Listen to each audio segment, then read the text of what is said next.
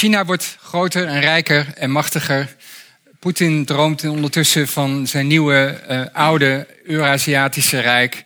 Amerika is, lijkt in wat chaos te verzinken, raakt steeds meer in zichzelf verstrikt. En ondertussen zoekt Europa wanhopig, steeds wanhopiger naar eenheid. Um, kortom, uh, tekent zich hier een nieuwe wereldorde af. Um, en hoe gaat die nieuwe wereldorde eruit zien? Wat kunnen we verwachten? Wat zijn de uitdagingen? Uh, en met name uh, de rol van uh, China daarin is een, een, hele belangrijke. Dat is het thema van vanavond. En we hebben een zeer eminente spreker vanavond om ons daarover te onderhouden. Jonathan Holslag, ik kan nog steeds zeggen, nog steeds hele jonge uh, op een gegeven moment komt er een eind aan, maar nu voorlopig nog niet. Uh, uh, docent politicologie aan de Vrije Universiteit Brussel, maar nog veel meer. publicist, veelvuldig in de media, maar vooral ook adviseur van uiteenlopende instellingen en personen als Nederlandse Defensie, waar hij vandaag op bezoek was. Mark Rutte, de koning van België. Uh, bedrijven die geïnteresseerd zijn in handel met China, de top van de NAVO en nog vele meer. Ondertussen schrijft hij ook nog boeken en vertelde me net dat een heel omvangrijk boek over 3000 jaar oorlog en vrede af is. Komt u ook vast ergens het komende jaar tegen. kortom, heel veel om ons vanavond mee te onderhouden. Um, en ik wens u een hele inspirerende avond toe namens Radboud Reflex. Mijn naam is Kees Leijners en het woord is aan Jonathan Holslag.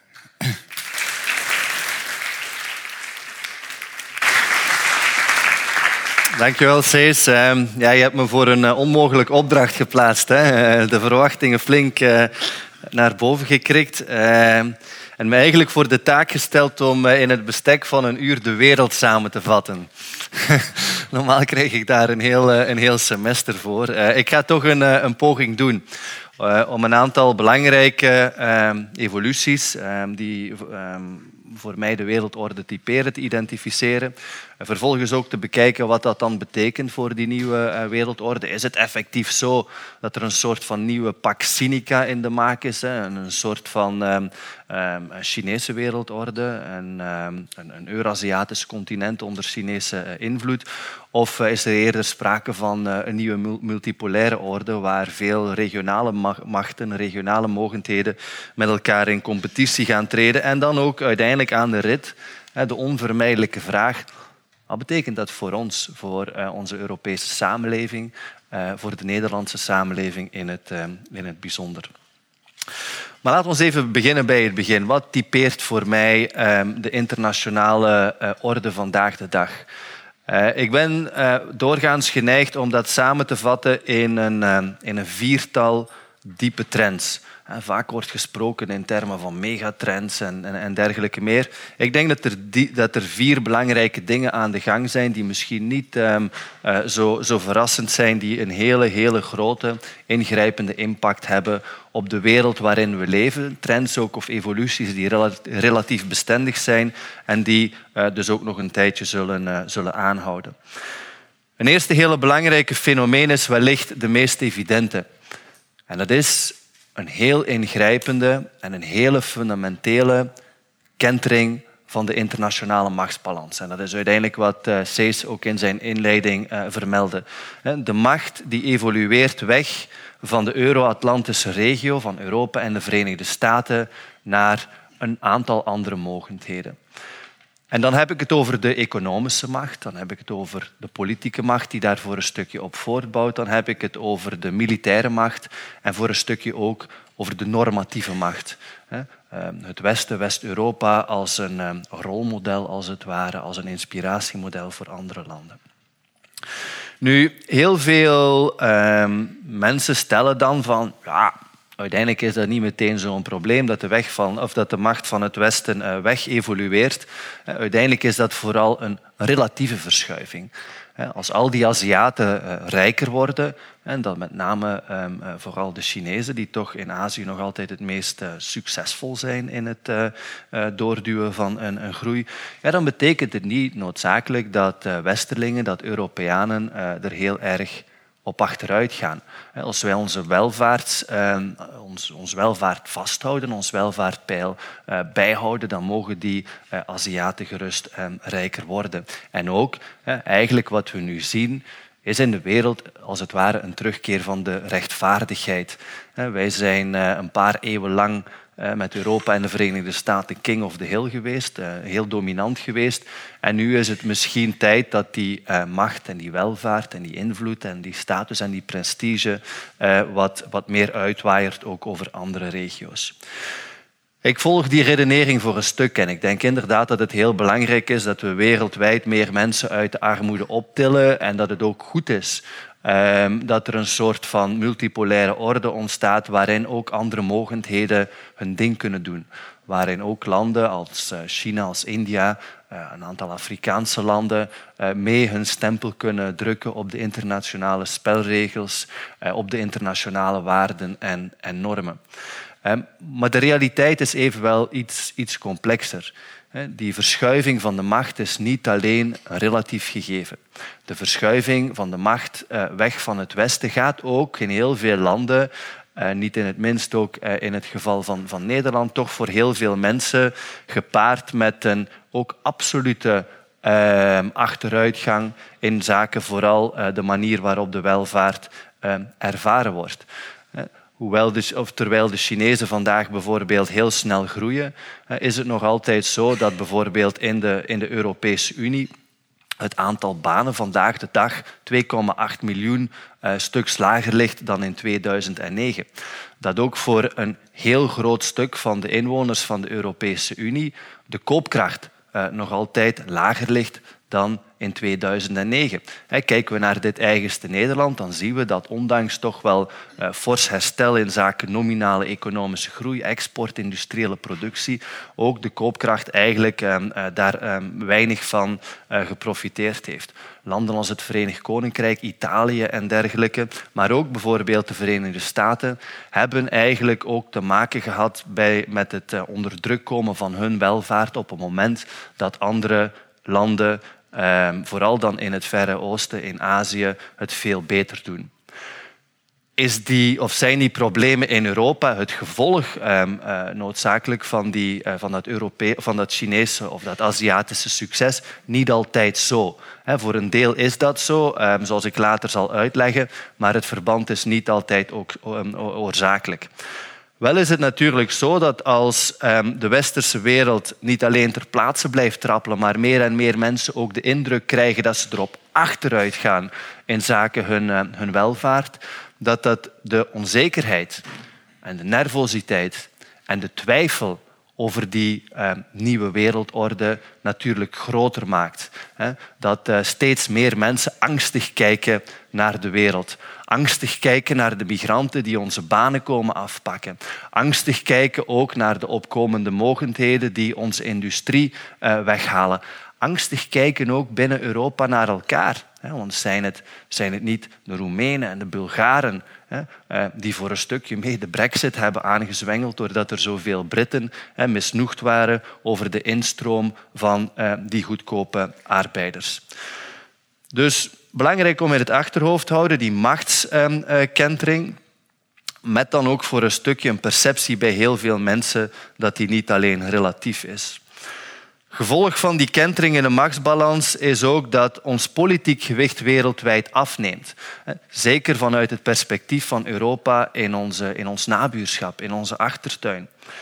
En je zou dan opnieuw kunnen zeggen van dat is niet noodzakelijk slecht dat die Europese invloed taalt. Hè, en dan kunnen andere landen ook hun ding doen. Maar eigenlijk wat we zien is dat in dat machtsvacuum een aantal spelers duiken met ambities en intenties die, om het zacht uit te drukken, niet noodzakelijk positiever eh, zijn dan die van ons.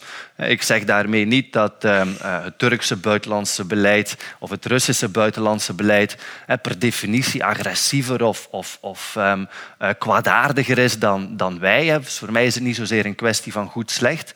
Maar ik denk wel dat we kunnen toch tot de conclusie komen vanuit de voorbije jaren dat hun alternatief voor de Europese macht en invloed niet noodzakelijk constructiever is.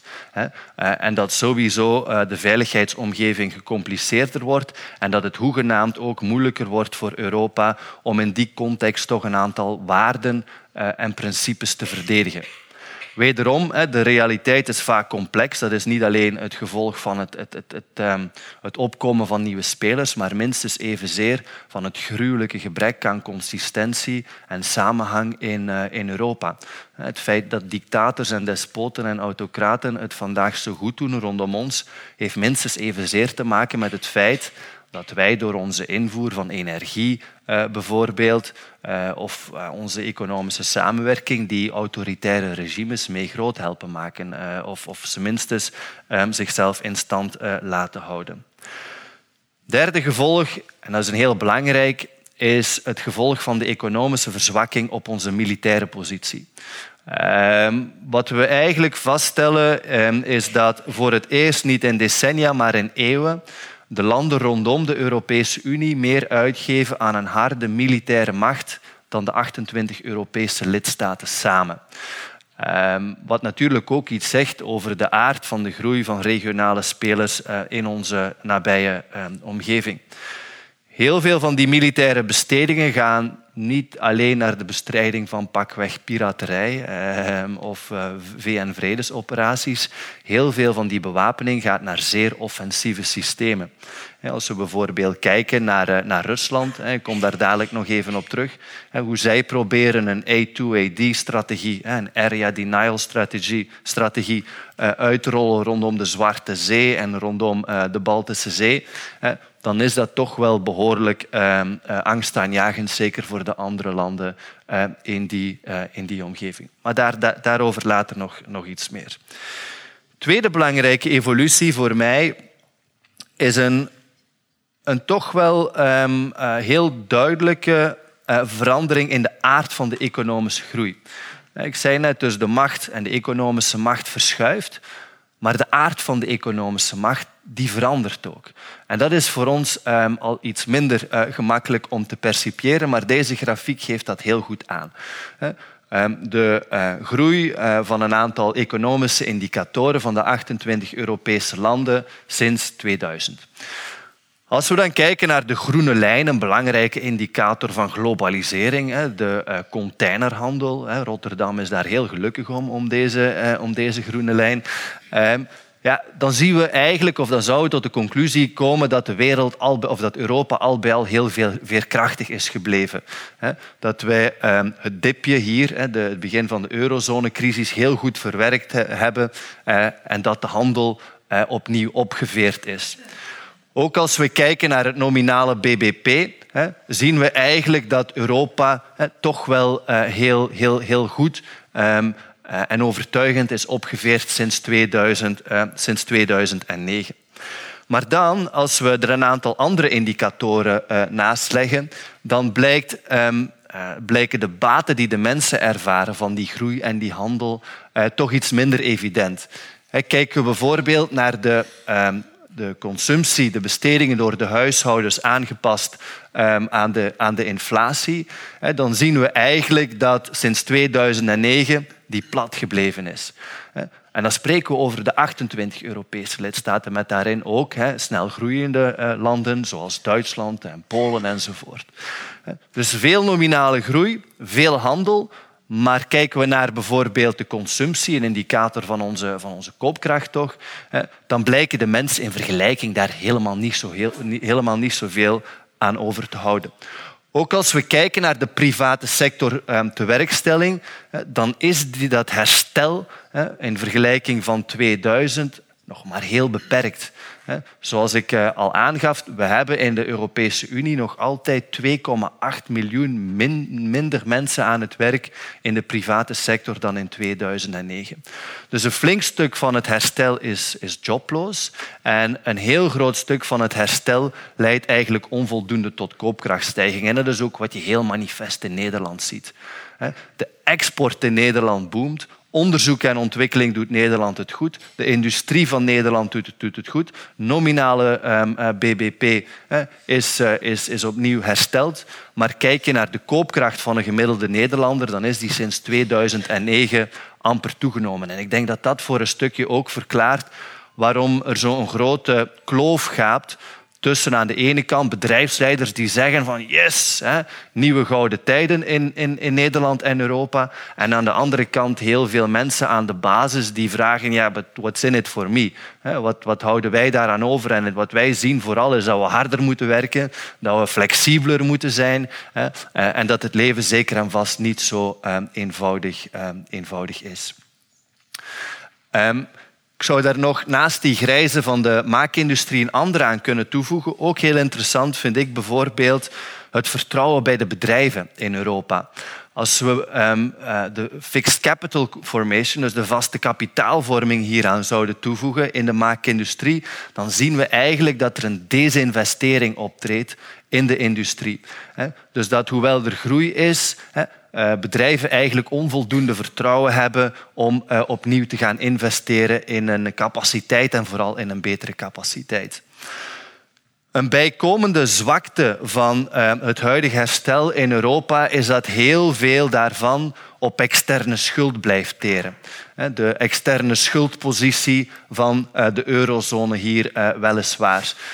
We zien dat die netto ehm, externe investeringen heel fel gezakt zijn, wat wil zeggen dus meer externe schuld. Een klein beetje gecorrigeerd, ehm, aanzienlijk gecorrigeerd sinds 2009. Maar nog altijd heel veel Europese lidstaten hebben hun herstel en het feit dat de consumptie niet verder gekelderd is, vooral te danken aan het externaliseren van overheidsschuld. Landen als Frankrijk, Italië, maar ook bijvoorbeeld België hebben hun overheidsaanbestedingen kunnen voor een stukje handhaven of een, nog scherpere contractie vermijden door meer van hun obligaties bijvoorbeeld te verpatsen aan Chinezen en aan golfstaten uh, en noem maar op. En dat is toch ook een hele belangrijke. Hè? Een flink stuk van het herstel blijft gebaseerd op schuld en dan vooral overheidsschuld. En dat is niet echt bestendig, zeker als dat niet gepaard gaat met een productiviteitswinst. Dat maakt um, die trend voor Europa voor mij deel uit van een, een, een meer globale evolutie. En deze tabel geeft dat heel mooi weer. Geeft de toevoeging van BBP eh, weer in twee periodes, 1970, 1990, 1990, 2014, voor eh, 24 landen die 60 procent van de wereldbevolking vertegenwoordigen. En wat we dan zien is eigenlijk dat de jaarlijkse toename van de productie dat die, um, verdubbeld is, ruim, hè, maar dat in vergelijking daarvan, hè, zowel in ontwikkelde als in ontwikkelingslanden, de um, uh, transformatie of de omzetting uh, van die groei in reëel beschikbaar inkomen en ook in formele sector tewerkstelling, dat die kleiner is geworden. dat is natuurlijk, zeker dat laatste, iets wat economen benoemen als productiviteitswinst meer maken met minder mensen. Dat is goed. Hè? Uh, dat betekent dus dat we meer kunnen doen met minder handen. En voor een stukje is dat natuurlijk ook zo. Maar aan de andere kant betekent het dat bijvoorbeeld bevolkingsrijke landen als, als India, als Bangladesh, hè, vandaag de dag twee keer zoveel groei nodig hebben als pakweg China in de jaren 70 en 80 om dezelfde banen te genereren op een moment dat er eigenlijk helemaal wereldwijd geen behoefte is uh, aan een, uh, een, een, een, een, economie uh, die evenveel industriële goederen voorbrengt als China vandaag de dag. Dus ik denk dat deze evolutie um, in de aard van de economische groei, vooral voor bevolkingsrijke landen en vooral voor landen met een groeiende bevolking, echt wel um, aankomt als een fenomenale uitdaging. De groei blijft, maar het soortelijk gewicht van de groei neemt af. Als economen zeggen van de cake groeit en dus we kunnen er meer van eten, dan hebben ze voor een stukje gelijk, maar de cake wordt meer en meer sponscake. Je moet er meer en meer van eten om een verzadigd gevoel eh, te krijgen. En wederom, dat maakt vaak ehm, dat het allemaal heel erg eh, misleidend is. Dat je aan de ene kant van die Davos-achtige optimisten hebt die zeggen het gaat heel goed met de wereld. En aan de andere kant meer en meer mensen die beginnen morren. Derde um, belangrijke evolutie voor mij is de toenemende schaarste in zaken natuurlijke rijkdommen. Aan de ene kant is het zo dat we voor heel veel van die schaarste problemen oplossingen hebben. Ik ben er zeker van dat als je aan deze eigenste universiteit rondkijkt, dat er, dat er heel veel slimme onderzoekers bezig zijn met het zoeken van oplossingen naar de waterschaarste, ehm, het zoeken naar betere technologieën om, om, om voor te brengen, ehm, naar alternatieven voor eh, fossiele energie. Ehm, dus eigenlijk hebben we voor heel veel problemen oplossingen. Maar het, uh, het euvel is echter dat er vaak te weinig middelen en geld voorhanden zijn om die technologische innovaties om te zetten in, in reële, in tastbare vooruitgang. En waarmee heeft dat te maken? Heel vaak eh, met het feit dat de meest hulpbehoevende landen in dat opzicht vaak de centen gewoon niet hebben om um, een stuk van die technologische vooruitgang um, in de praktijk uh, te brengen. Een goed voorbeeld is drinkwater. Een steeds groter deel van de wereld wordt uh, geteisterd met drinkwaterschaarste. We kunnen perfect drinkwater halen uit zoutwater. Het enige probleem is dat dat 3 dollar min of meer per kubieke meter kost. En dat in een flink stuk van de wereld het gemiddelde inkomen per dag nog altijd beneden de 3 dollar ligt. Dus technische oplossing is er, maar voor heel veel mensen ehm, onbetaalbaar. Landbouw bijvoorbeeld. In Wageningen en elders heeft men voor heel veel fragiele landbouwsystemen in Afrika en elders oplossingen om de grond beter te, te bebouwen. Om ervoor te zorgen dat de erosie bestrijd wordt. Maar wederom, vaak is het zo dat lokale overheden niet de middelen hebben. En ook dat de agrobusiness, de grote multinationals die, die, die op schaal willen produceren, daar niet echt door eh, geïnteresseerd ehm, zijn. Dat jaagt natuurlijk heel veel conflicten aan. Waterschaarste is zonder meer ehm, eh, een, probleem dat leidt tot ehm, echt wel eh, geopolitieke hoogspanning in regio's als het Midden-Oosten, over de Jordaan bijvoorbeeld, in Afrika over de Nijl ehm, en in Zuid-Azië over rivieren als eh, de Indus en zeker over de, de Brahmaputra, die door zowel China, India als Bangladesh stroomt. Vierde belangrijke dynamiek of belangrijke evolutie in de wereld is wat ik vaak benoem, en dat is misschien de meest vage en efemere van, uh, van de vier, wat ik benoem als uh, een toch wel kruipende crisis van de menselijkheid. Aan de ene kant stellen we vast dat globalisering en nominale groei minder en minder leiden tot banen en koopkracht. Maar aan de andere kant is het ook heel duidelijk dat um, um, die groei minder en minder leidt tot welbevinden. Uh, en dat heeft voor een stukje te maken met het uitblijven van, um, van kwaliteitsvolle banen. En dat zien we heel erg in wellicht de meest rijke regio uh, in, uh, in West-Europa, in Noord-Holland. deze tabel geeft eigenlijk op basis van zes belangrijke indicatoren de tevredenheid, de satisfaction eh, van werk in een aantal clusters weer, van laag, gemiddeld eh, tot hoog. En dan de evolutie van eh, de tewerkstelling in die sectoren. Eerste vaststelling is dat de private sector in Nederland het sowieso verschrikkelijk slecht doet in het creëren van nieuwe banen. Tweede vaststelling is ook dat als we kijken naar banen met hoog welbevinden, dat we eigenlijk voor een heel groot stuk afhangen van de publieke sector. Dat als het gaat om banen met hoog welbevinden, de private sector heel erg schaars is. Ehm, en dat je vooral een hele grote segregatie hebt tussen een kleine, kleine toplaag ehm, die, ehm, die, die vrolijk uh, hipster koffie slurpend zich van het uh, ene uh, landschapskantoor naar de andere kantoortuin voorbeweegt Ehm, bij de verkiezingen ehm, eh, ehm, vrolijk op D66 stemt en denkt dat de hemel blauw zal blijven. En dan aan de andere kant toch een flink stuk van de Nederlandse bevolking die, die afhaakt. Het probleem bij die evolutie is, die is dus niet alleen een kwestie van inkomensongelijkheid. Als je kijkt naar de inkomensongelijkheid, doet Nederland het eigenlijk goed hè, in vergelijking met andere Europese landen. Ik denk dat een, een groter probleem voor Nederland meer en meer welbevindingsongelijkheid is. Ik ben geen socioloog en ik heb er zelf geen diepgaand onderzoek naar gedaan, maar het lijkt me wel een hele interessante onderzoeksvraag uh, om eens uh, verder, uh, verder naar te kijken. Hè. Wat dat betekent, ongelijkheid in zaken welbevinden. En dan vooral naar de kwaliteit van de tewerkstelling toe, maar ook leefomgeving. Wat mij altijd heel erg frappeert, um, en we hadden dat ook in de, in de troonrede um, een aantal jaren geleden al kort opgemerkt, is dat je in Nederland een hele, hele grote segregatie hebt, nog groter dan in Vlaanderen en België, tussen dat leuke, eh, dus die leuke grachtenparadijsjes hè, met allemaal die fijne historische huisjes en, en, en koffiebarretjes daarin en, en, en, en goed betaalde juppies aan, het, aan het werk aan de ene kant. De plekken in Nederland waar ik althans als, als Vlaming het liefste, het liefste kom. Het meest charmante. En dan hele, hele grote buitenwijken ehm, die min of meer zombiewijken aan het worden zijn waarin er misschien niet zozeer abjecte armoede is, waarin die armoede ook niet zichtbaar is, maar waarin je wel een hele grote concentratie hebt van mensen die eigenlijk weinig of nauwelijks toegang hebben tot interessant werk. Ehm, en uh, ja, die, die, die, die zich ook niet echt uh, betrokken meer voelen met um, dat aangename uh, leven in, die, in die grachtenstraatjes elders in de stad. Ook een, een, een, samengaan steeds meer van, van veroudering en vergrijzing daar.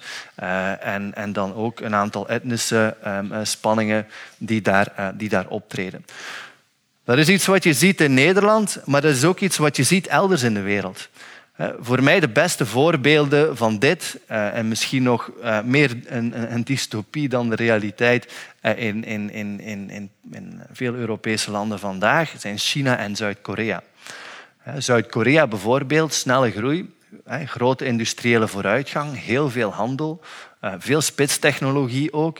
Maar de samenleving zit in een collectieve psychose. En dat is heus geen overdrijving. Als je naar alle indicatoren van geluk kijkt voor Zuid-Korea, dan liggen die bijzonder laag. Kijk je naar de suïcidecijfers, de zelfmoordcijfers, die liggen heel, heel, heel erg hoog. De maatschappelijke atomisering daar ook heel erg hoog. De, de, de vereenzaming heel erg hoog. China idem dito in, eh, in de grootsteden. Uh, het aantal burn-outs is daar gewoon niet meer te tellen, omdat jongeren onder zoveel druk staan om te presteren, ja, dat er nauwelijks tijd is voor zelfontplooiing, dat er nauwelijks tijd is ook voor een privéleven. En dan niet alleen nauwelijks tijd, maar ook nauwelijks ruimte. De meeste Chinezen uh, van, van, van rond de 20, 30 jaar die een bestaan in de grootsteden bestaat erin van s ochtends half zes hè, in, in, overvolle, zweterige metro's um, uh, te springen en, en, en, en, te wurmen. En dan van de vijfde, vierde ring uh, naar een kantoorgebouw in, uh, in de binnenstad um, te rijden. daar 24 hoog tot half negen s'avonds achter een scherm te staren. Nog slechter geval in een fabriek ehm, uh, buiten, uh, buiten de stad. Dan weer terug die metro in om dan s'avonds te crashen in een uh, studio waar dat ze samenhokken met acht of tien andere jongeren. En de enige vrije dag, de zondag, ja, dan zijn ze te moe om nog iets te ondernemen. dat is eigenlijk, ik overdrijf nu een klein beetje, maar dat is wel de situatie waarin heel veel ehm, jonge Oost-Aziaten landen waar dat wij naar kijken als zijnde de voortrekkers van, uh, van de groei. Uh, en, en, en, de nieuwe economische wereldorde uh, waarin, waarin zij, zij verkeren. Um, en dat is natuurlijk heel erg jammer, hè, dat als je niet alleen een, een polarisatie ziet tussen inkomens, maar ook vooral dat groei niet langer die, die, die, die, dat welzijn en dat geluk Um, en die tevredenheid um, um, genereert en mogelijk maakt. en, en dat ook vooral de kloof tussen de materiële welvaart en het welbevinden groter en, groter wordt. Dat groei en, en, en, en economische voorspoed niet langer een bron blijkt van geluk en, en identiteit en creativiteit.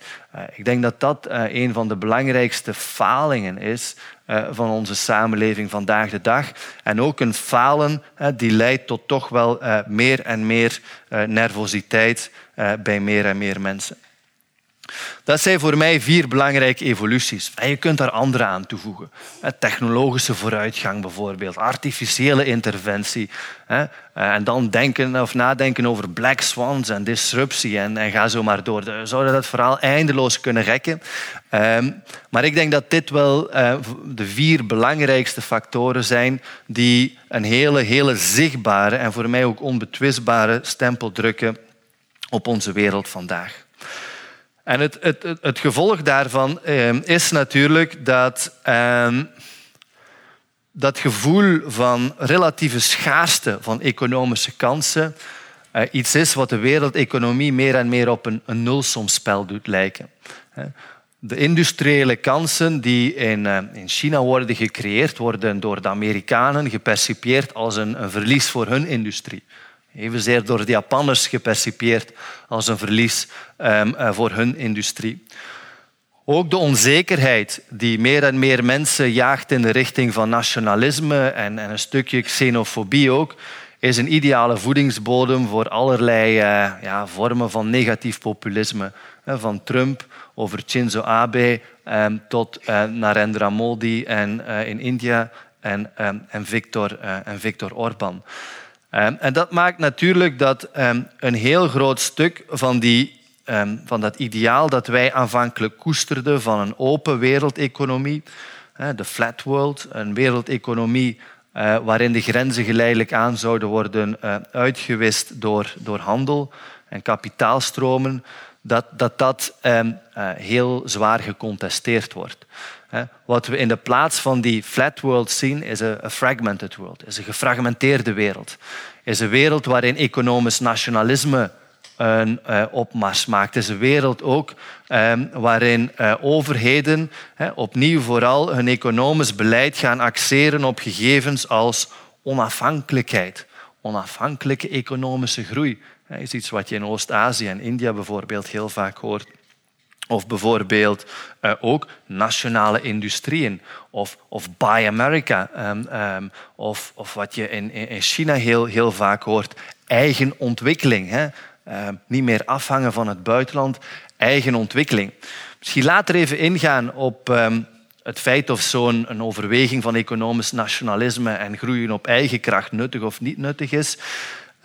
Ik denk dat het voor nu vooral toch eh, belangrijk is om op te merken dat dit leidt tot een steeds meer, eh, niet zozeer een, een, race to the top, waarin landen elkaar uitdagen om, om, om beter te doen en vooral een menselijkere economie eh, neer te zetten. Maar dat dat nationalisme dat we vandaag zien opduiken meer en meer leidt tot een race to the bottom. Waarbij landen nog meer kapitaal um, uh, verkwanselen eigenlijk uh, aan industrieën die niet altijd even zinvol zijn.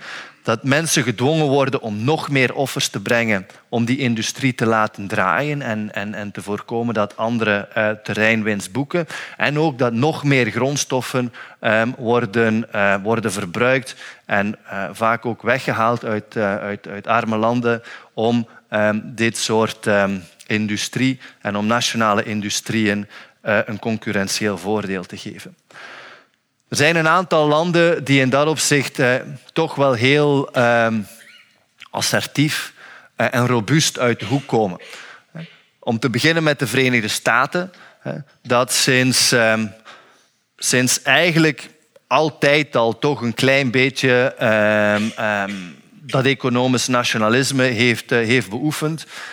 Zeker gericht op nieuwe industrieën nieuwe industrieën als alles wat met informatica te maken heeft, alles wat met uh, militair relevante technologieën te maken heeft. Daar heb je toch stevast een hele sterke, misschien iets uh, uh, meer sluikse overheidssteun gehad voor Amerikaanse multinationals om wereldwijd niet alleen winst te maken, maar ook standaarden te promoten, technische standaarden bijvoorbeeld, technologische standaarden in functie um, van, van hun bedrijfsmodel, in functie van hun, um, van hun producten. En nu natuurlijk met de vorige verkiezingen, en dat zat heus niet alleen bij Trump, dat zat ook bij Hillary Clinton, dat reveil van dat uh, buy it in America, make it in America enzovoort. De idee dat um, jobs alleen maar kunnen terug worden gebracht, de welvaart alleen maar bijgehouden kan worden, als, als Amerika meer autonoom dingen gaat produceren. Voor een stukje was dat een zaak vooral van energieonafhankelijkheid met de schaliegasrevolutie. En je hebt een hele nadrukkelijke koppeling van de schaliegasrevolutie aan de, aan de industriële politiek. Dankzij de schaliegasrevolutie kunnen de Amerikanen hun industrie van energie voorzien, elektriciteit en gas, die 30 tot 50 procent lager ligt dan de energie ehm, waar ehm, Europese industrieën ehm, van afhangen. Maar ook heel belangrijk dus het gebruiken van, eh, laten we zeggen, publieke aanbestedingen voor een stuk om, om markten af te schermen. En wat je nu heel erg hebt, is dat uh, overheden eigenlijk worden aangezet eh, om, om, om, om effectief te gaan voor Amerikaanse producten, ook als er een meer concurrerend alternatief eh, van elders is. En dat er ook een hele bewuste politiek stilaan gevoerd wordt om de Amerikaanse afhankelijkheid van Europese export van producten en diensten ingevoerd uit Europa om die terug te dringen. Dus het is Amerika echt niet alleen te doen om het terugdringen van de invoer uit China, maar ook het terugdringen van de invoer uit, um, uit, uit Europa. En vandaar ook dat de kritiek van Trump op Duitsland hè, tijdens de meest recente uh, G8-discussies in, Sicilië hè, zo heel hard is aangekomen in, in Berlijn. Dus Amerika, sowieso een land waarin het economisch etatisme toch wat aan het, uh, aan het terugkomen is. En dan heb je natuurlijk aan de andere kant China, met zijn 1,4 miljard uh, inwoners.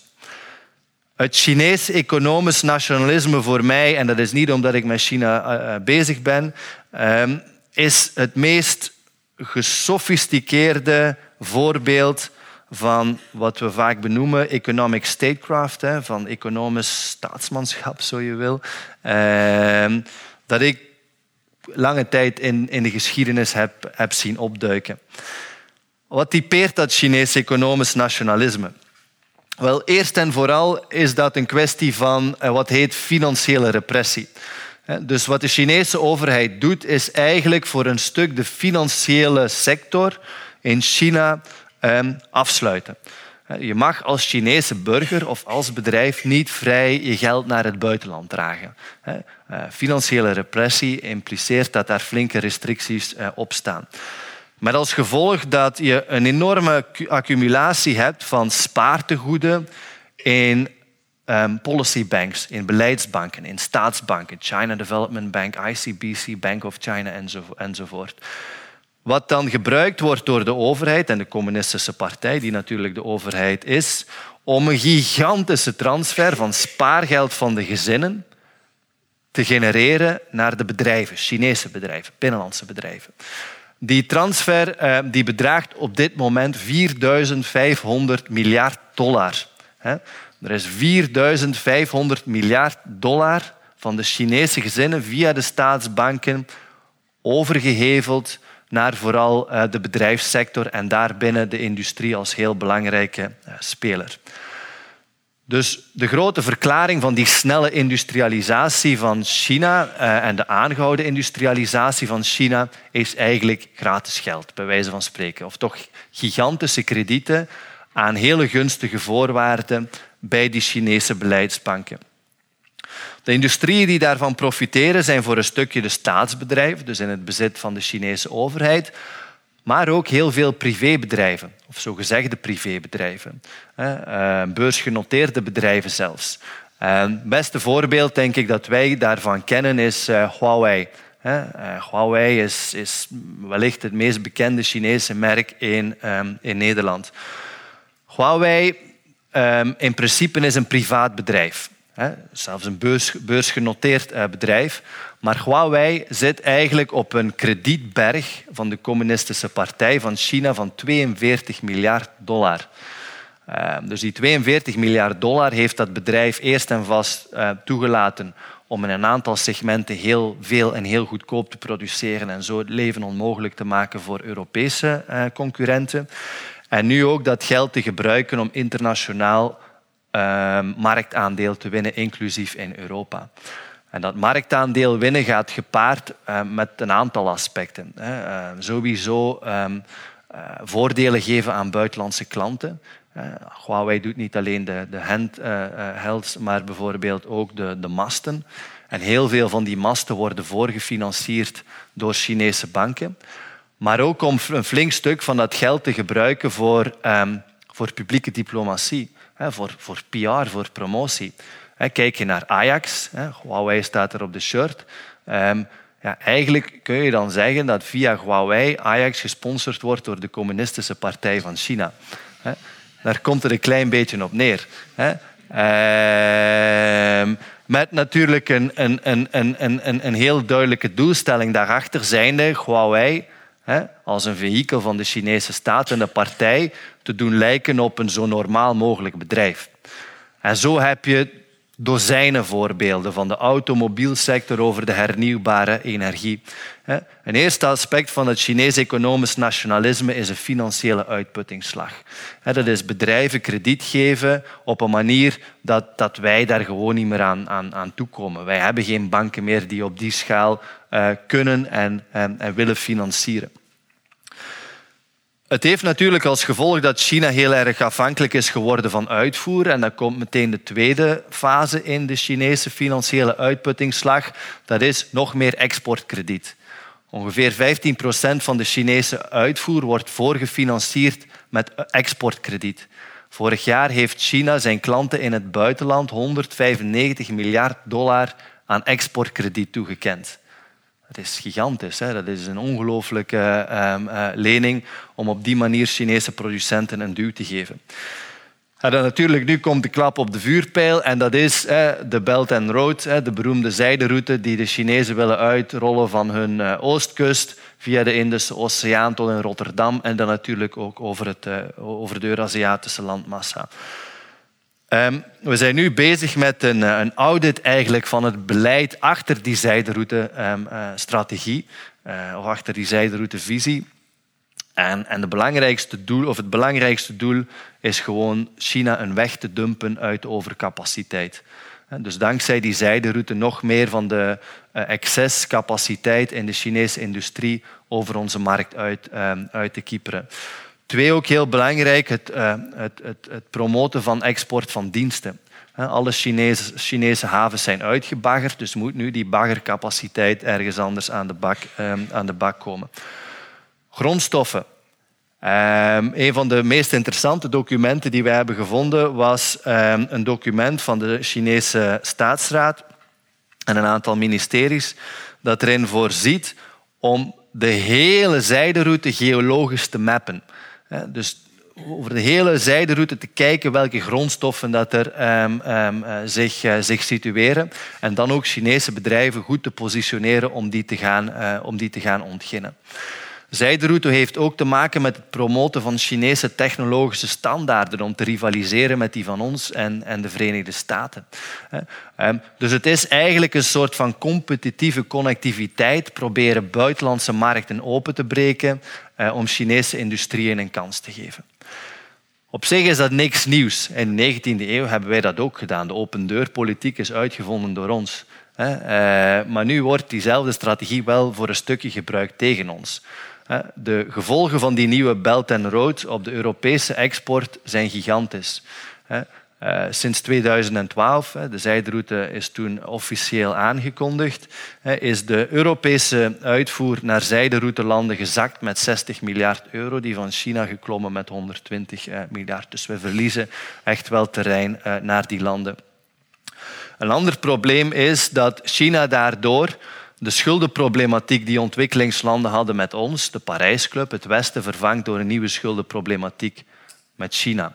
Eh, China heeft nu reeds voor duizend miljard dollar, een triljoen, aan krediet openstaan bij landen langs de zijderoute. En heel veel van die landen langs de zijderoute worstelen met afbetaling. Eh, China gaat bijvoorbeeld spoorwegen aanleggen in veel Afrikaanse landen, terwijl het duivels goed weet dat die Afrikaanse landen dat krediet nooit kunnen terugbetalen. En dan staan er in heel veel van die schuldovereenkomsten nogal eigenaardige en ook akelige clausules zijnde. In case of default maken we aanspraak op dit, dit, dit en dat. Met als gevolg dat bijvoorbeeld eh, Mozambique gedwongen is geweest om een stuk van zijn exclusieve economische zone, de, de nationale uh, wateren als het ware, waarin ze mogen uh, economische activiteiten ontwikkelen, over te geven aan Chinese vissers. Ehm, de Democratische Republiek Congo verplicht is geweest om de honderden duizenden hectare landbouwgrond over te laten aan Chinese investeerders. Dus ik zeg daarom niet dat de Chinezen slechter zijn dan wij, maar het grote probleem is dat ze beweren beter te zijn dan wij, of toch uh, rechtvaardiger dan wij, en ze eigenlijk gewoon het, hetzelfde een beetje aan het doen zijn, zijnde op een gesofisticeerder uh, manier. Naar Europa toe leidt dat tot een situatie waarbij we komen gevrongen te zitten tussen hamer en aanbeeld. Van bovenuit worden wij economisch heel zwaar onder druk gezet door, ehm, door de Verenigde Staten, vooral in alles wat kennisintensief is en ook wat, uh, wat grote diensten uh, aanbelangt. Hè. Mijn bezorgdheid over TTIP was ook dat als wij die deal zouden tekenen, dat Amerika zodanig schaalvoordeel had in, in, in diensten dat dat gewoon voor een stuk onze ehm, dienstensector zou platwalsen zonder dat wij garantie hadden uh, op meer uitvoer in pakweg de goederensector leidt ook tot een situatie waarbij Europa um, een strategische afhankelijkheid ontwikkelt ten aanzien van Europa voor wat betreft strategische technologie. In heel veel militaire componenten kunnen wij niet meer zonder de Amerikanen. Uh, als je bijvoorbeeld kijkt naar de F-35, de Joint Strike Fighter, Europa is gewoon thans niet in staat om een soortgelijk vliegtuig te ontwikkelen. Kijken we naar de cyberveiligheid, heeft Europa niet meer de capaciteit die de Amerikanen vandaag hebben om zich op eenzelfde manier te verdedigen. Tot op dat punt dat wij in Brussel, als we negotiaties hebben met de Amerikanen, gewoon niet weten of de Amerikanen meekijken of niet uh, via uh, cyber, uh, cyberspionage. ruimteoorlogvoering. Hè? Ehm, satellieten die satellieten aanvallen, kwantumcommunicatie, een heel, heel, heel complex um, um, en, en onzagwekkend machtsspel dat daar aan de gang is. Europa is niet meer mee. Dus militair-strategisch gigantische gevolgen en, en, en zijn we eigenlijk een beetje een technologisch aanhangseltje van de Amerikanen aan het worden. Ook als je bijvoorbeeld kijkt wat dat economisch betekent, zie je op onze lopende rekening, onze betalingsbalans, dat we ons meer en meer blauw aan het betalen zijn aan Amerikaanse software en Amerikaanse royalties, intellectuele eigendomsrechten eh, in, eh, in hoogtechnologische eh, sectoren. Dat voor de VS. En dan heb je aan de andere kant de Chinezen, die ons aanvankelijk vooral in de, uh, laten we zeggen, weinig geavanceerde industrieën pijn begonnen, uh, begonnen doen. Ehm, cement, staal, uh, textiel. Maar nu ook in de iets meer geavanceerde industrieën uh, terrein, terrein beginnen, beginnen winnen. En het grote risico natuurlijk is dat we aan de ene kant technologisch een dependentie ontwikkelen ten aanzien van de VS en aan de andere kant financieel ten aanzien van China. En voor een aantal lidstaten is dat al heel ver gevorderd. Kijk je bijvoorbeeld naar Griekenland, de afhankelijkheid van Chinees krediet is enorm. Veel Oost-Europese landen gaan diezelfde richting uit. Bulgarije, Hongarije, eh, Roemenië en, en, en noem maar op. Waardoor ze eigenlijk een stukje van een actievrijheid, van een autonomie Ehm, eh, verliezen. Ook omdat die Chinese kredieten komen met politieke voorwaarden. Griekenland gaat in Brussel meer en meer dwars liggen in discussies over de handelsrelaties met China als dat de belangen van China schaadt. Wat ook zo is voor een flink stuk, is dat de beide partijen, China en de VS, grote belangengroepen, politiek, uh, maar ook economisch, incorporeren in hun eh, economische strategie dat ze via hun publieke diplomatie eh, voor een heel groot stuk een stempel drukken op het debat. Als ik naar de denktanks kijk in Brussel, dan zijn die vandaag ehm, eh, bijna uitsluitend allemaal ofwel gefinancierd door China ofwel gefinancierd door Amerikaanse belangengroepen. Echte Europese denktanks, die naamwaardig, hebben wij in Brussel niet meer. En dan heb je het gevolg dat als er discussies eh, plaatsgrijpen over handel, uh, of industriepolitiek, dat Europa nauwelijks nog voor zichzelf kan denken. En dat je daar shows hebt, uh, eigenlijk gesponsord door grote bedrijven. Huawei opnieuw zit er vaak tussen. Uh, die, die toch wel ook een, een grote impact hebben onrechtstreeks op het, op het beleid. En het gaat vaak heel erg gesofisticeerd. Hè. Mijn eigen ervaring is er vooral een met, met de Chinezen. En toen ik nog een tijdje advies gaf aan de handelscommissaris, was het zelfs zo dat uh, een groot Chinese bedrijf gewoon naar mij toe kwam en zei van oké, we gaan voor u een leerstoel sponsoren op de universiteit in de hoop dat ik uh, mijn mond uh, zou houden. dan de, week daarop een heel scherp opiniestuk geschreven en even niks meer van ze gehoord. Zijn ze dan naar een collega gestapt met een nog grotere offer, een offer you can't refuse. Ehm, dan heb ik een, een nog kritischer interview gegeven die week daarna. Maar toen naar de vice-rector, die officieel China-vriend was, met als gevolg dat wij nu aan de universiteit een vehikel hebben dat mij zo moet, moet isoleren. En dat als ik iets zeg, zij het tegenovergestelde zeggen. Ehm, maar ook conferenties organiseren waar je uitsluitend in een panels geraakt als je China-vriend bent. Ehm, dus dat is, voor mij was dat echt wel even van uh, slikken. Wat is er hier rondom mij heen aan het gebeuren? Maar dat is geen uniek geval. Vanuit Amerikaans perspectief is het net zo dat als je niet binnen een aantal lijntjes kleurt, dat je gewoon niet in dat netwerk van de grote Amerikaanse denktanks geraakt. Dat je niet gepubliceerd geraakt in de grote policy journals als Foreign Affairs en zo. Je moet echt wel binnen een aantal lijntjes kleuren om die erkenning te hebben. En het is nog altijd zo dat als je op hoog niveau in de Europese instellingen wil raadgeven, dat dat soort erkenning door Amerikaanse journals wel meespeelt. Ehm, dus het is een bijzonder subtiel machtsspel, maar het probleem is vooral de zwakte van Europa zelf. Wij laten ons gewoon heel gemakkelijk corrumperen. Je hebt uh, academici die zich veel te gemakkelijk laten incorporeren in um, de belangenconstellaties van, um, van, van, de grote, uh, van de grote jongens. En dat is ook politiek zo. Kijk je naar het Europees Parlement, en dat geldt ook vaak voor de eh, parlementen van de lidstaten. Je haalt er de lobbyisten, parlementariërs, voor de, grote, uh, twee, voor de twee grote spelers. Je haalt ze er gewoon uit. Hè. En je kunt op basis van een agenda en een, een demarches perfect zien bij welke van de twee landen ze het, um, het, dichtste, het dichtste bijstaan. Maar het meest moeilijke, denk ik, is dat ook onze hele samenleving eigenlijk eh, heel bewust door die twee grote spelers toch wordt, wordt murw gemaakt. De Chinezen maken ons eigenlijk een beetje verslaafd aan de import van goedkope Chinese massameuk, om het zo maar te noemen, via de grote winkels.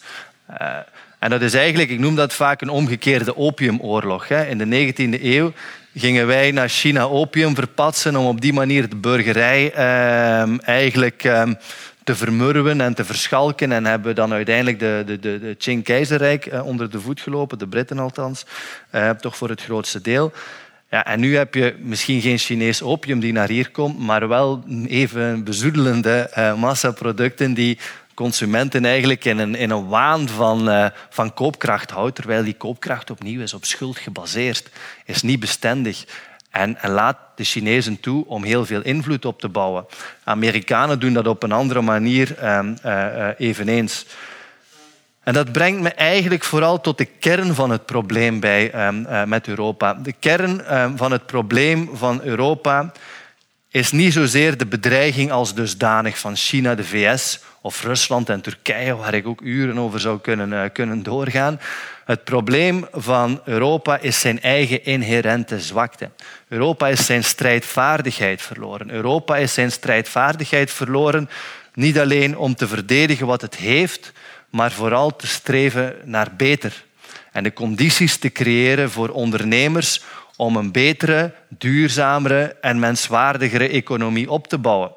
En zolang dat we um, um, dat streven naar een betere markt niet kunnen hardmaken, blijft Europa economisch gewicht verliezen. Als gevolg van die economische aftakeling blijven we politiek gewicht verliezen, blijven militaire slagkracht uh, verliezen en zullen we ook overal uh, rondom ons uh, terrein blijven verliezen. Zul je um, rondom Europa in eerste instantie een, een machtsvacuum krijgen waar landen als Rusland op inspringen. Maar je kunt ze dat niet kwalijk nemen, hè, want we hebben in de jaren negentig de Russen uh, flink gekoeieneerd.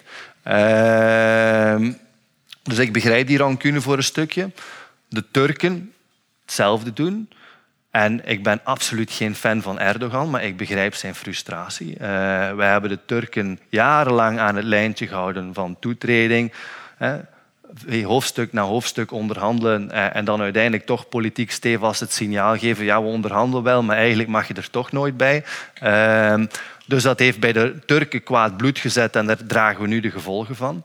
Ehm, en dan natuurlijk ook het soort van politiek waarbij we aan de ene kant met onze waarden gingen zwaaien overal, hè, van vrijheid en blijheid en, en democratie en zo. Maar aan de andere kant overal rondom ons autoritaire regimes sterk zijn gaan maken. Rusland opnieuw het beste voorbeeld. De autoritaire Poetin verdient 250 miljard euro per jaar rondom aan de uitvoer van energie aan, aan, aan Europa. De golfstaten, Saudi-Arabië inclus, je kunt ze één voor één afgaan. Honderden miljarden verdiend aan de energieuitvoer naar Europa. Ja, en wat er dan met dat geld gebeurd is en, en welke waarden zij daarmee hebben doorgedrukt, daar hoef ik geen tekeningetje bij eh, te maken, denk ik. Dus dat machtsvacuum wordt groter en wat je vooral ook ziet is meer en meer destabilisatie. De bevolking in Noord-Afrika en in het Midden-Oosten gaat groeien met 80 miljoen mensen eh, tegen 2000, 2050. Eh, de bevolking in Egypte alleen al met rondom 50, 50 eh, miljoen. En er worden nauwelijks banen gecreëerd.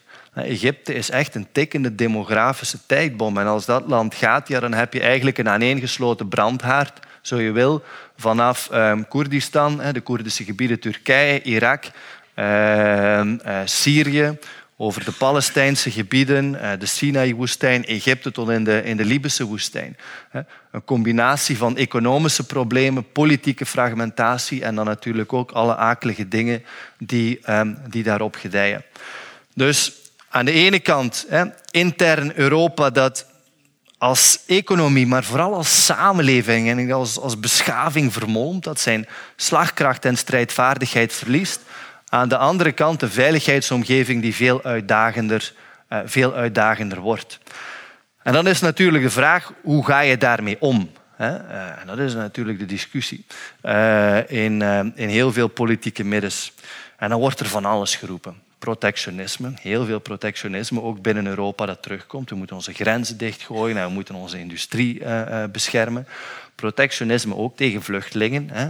Prikkeldraad is ook een vorm van protectionisme. Niet tegen made in China producten, maar tegen mensen ehm, eh, van, eh, van, van, van elders. Ehm, nationalisme. Uh, europessimisme, scepticisme, terug naar, de, naar het Europa van, van, van de lidstaten. En ga zo maar door. Je kunt het zo gek niet, niet verzinnen. Economisch nog altijd eindeloze discussies tussen Moeten we bezuinigen? Moeten we investeren? Terwijl iedereen eigenlijk weet dat nog bezuinigen, nog investeren een panacee zijn. En dat wat je eigenlijk nodig hebt iets veel comprehensiever is. Ik denk dat ehm, ehm, wat essentieel is uh, voor Europa, is in eerste instantie vooral die strijdvaardigheid terugvinden. Is een vorm van gezond patriotisme en burgerzin, noem het hoe je, hoe je wil. Dat is eigenlijk de bewustzijn dat als wij voor onszelf als burgers, en ik denk dat dat ons recht is, een betere toekomst verlangen. Een toekomst waarin wij in waardigheid kunnen werken. Een toekomst waarin wij een aangenaam gezinsleven of een vriendenkring kunnen uitbouwen. Een toekomst waarin onze steden eh, mooie, creatieve, gezonde, duurzame omgevingen zijn. Dat als wij die toekomst willen, dat wij dan ook al onze capaciteiten, onze middelen en ons geld moeten inzetten om dat waar te maken. Elke euro is een stem in dat opzicht, zeg ik heel vaak. En we zouden met die euro's dan ook voor die betere toekomst moeten eh, stemmen. Maar wat doen mensen vandaag? Iedereen wil een goede job en een, gevarieerde job en, en, en, en, en, en een leuk huis. En liefst met een leuke auto voor dat huis eh, of, of iets dergelijks. Maar waar we voor stemmen is eigenlijk het tegenovergestelde. Wij geven ons geld niet uit aan die betere en duurzame samenleving. Wij geven ons geld uit aan een economisch model dat teert op vervuiling en slavernij. De meeste ketens waar we gaan winkelen zijn gebaseerd op een model van vervuiling en slavernij. Vervuiling en verkwisting van de grondstoffen, t-shirts en dergelijke meer ineengestikt door moderne slaven, waar dan, uh, waar dan ook. En ook de samenleving die een flink stuk van de rekening gepresenteerd krijgt voor die hele distributieketen. Al die, al die vrachtwagens en post.nl-busjes uh, uh, die dan ehm, ehm, de pakketjes thuis moeten, moeten afleveren. Dus we willen het ene, maar met ons geld duwen we de economie eigenlijk in de, in de, andere, in de andere richting. En dat is, dat is heel pervers. Hè? De ambitie om beter te willen vind ik fantastisch. En ik denk ook dat we dat moeten doen. We moeten verder bouwen, maar dan moeten we consequent zijn en ons vermogen ook op een betere manier, um, op een betere manier aanwerven, of aanwenden. En dus vooral eigenlijk de condities creëren voor positief ondernemerschap, voor positieve economische groei. We moeten blijven groeien, maar het voorwerp van de groei die moet veranderen. We moeten niet groeien in de dingen die we 20, 30 jaar geleden maakten.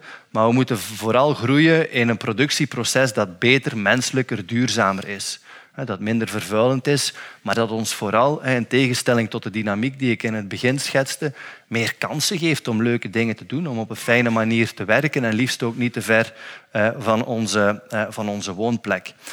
Want ik geloof heel erg dat die ehm, kracht van onderuit om goede dingen te doen, om mooie dingen te maken, om duurzamer te produceren, dat er die is. In dat opzicht ben ik heel optimistisch. Waar je ook rondloopt, je ziet grote en kleine bedrijven, sociale bedrijven, commerciële bedrijven, proberen de accenten te verschuiven naar een meer menselijke economie. Maar zolang dat de markt ze daar onvoldoende voor beloont en eigenlijk ons kapitaal blijft steunen uh, of sturen in de richting van perverse industrieën en vaak dus ook richting China en, de VS ook voor een aantal uh, sectoren, krijgen zij onvoldoende kansen en blijven zij eigenlijk een beetje morrelen in de marge. Ik geloof dan ook dat het kenteren van de onzekerheid begint met de bewustwording van burgers op zich. Dat burgers zich bewust moeten zijn vooral van het gewicht dat zij hebben. Een gemiddelde burger in Nederland is 35.000 euro um, uh, per jaar waard aan, aan, aan, inkomen bijvoorbeeld. Dat is best, best een, een, uh, een, een flink gewicht dat je in de schaal kunt, um, kunt werpen. Maar ook aan de overheid om een flankerend beleid uit te rollen. Ik denk dat dat flankerend beleid bijvoorbeeld kan bestaan uit voor een stukje gewoon het, het, het verbieden van dingen die in slechte omstandigheden gemaakt worden. Is dat protectionisme? Nee. Protectionisme wil zeggen dat je de ene discrimineert en de andere niet.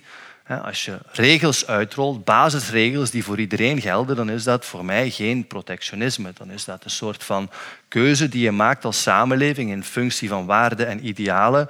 En zolang dat iedereen zich daaraan moet houden, is dat, eh, is dat op zich eh, geen probleem.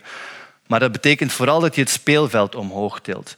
Ik denk ook dat je dat moet koppelen aan handel. Dat je niet moet dingen eisen voor bedrijven die hier produceren en niet voor wat je invoert.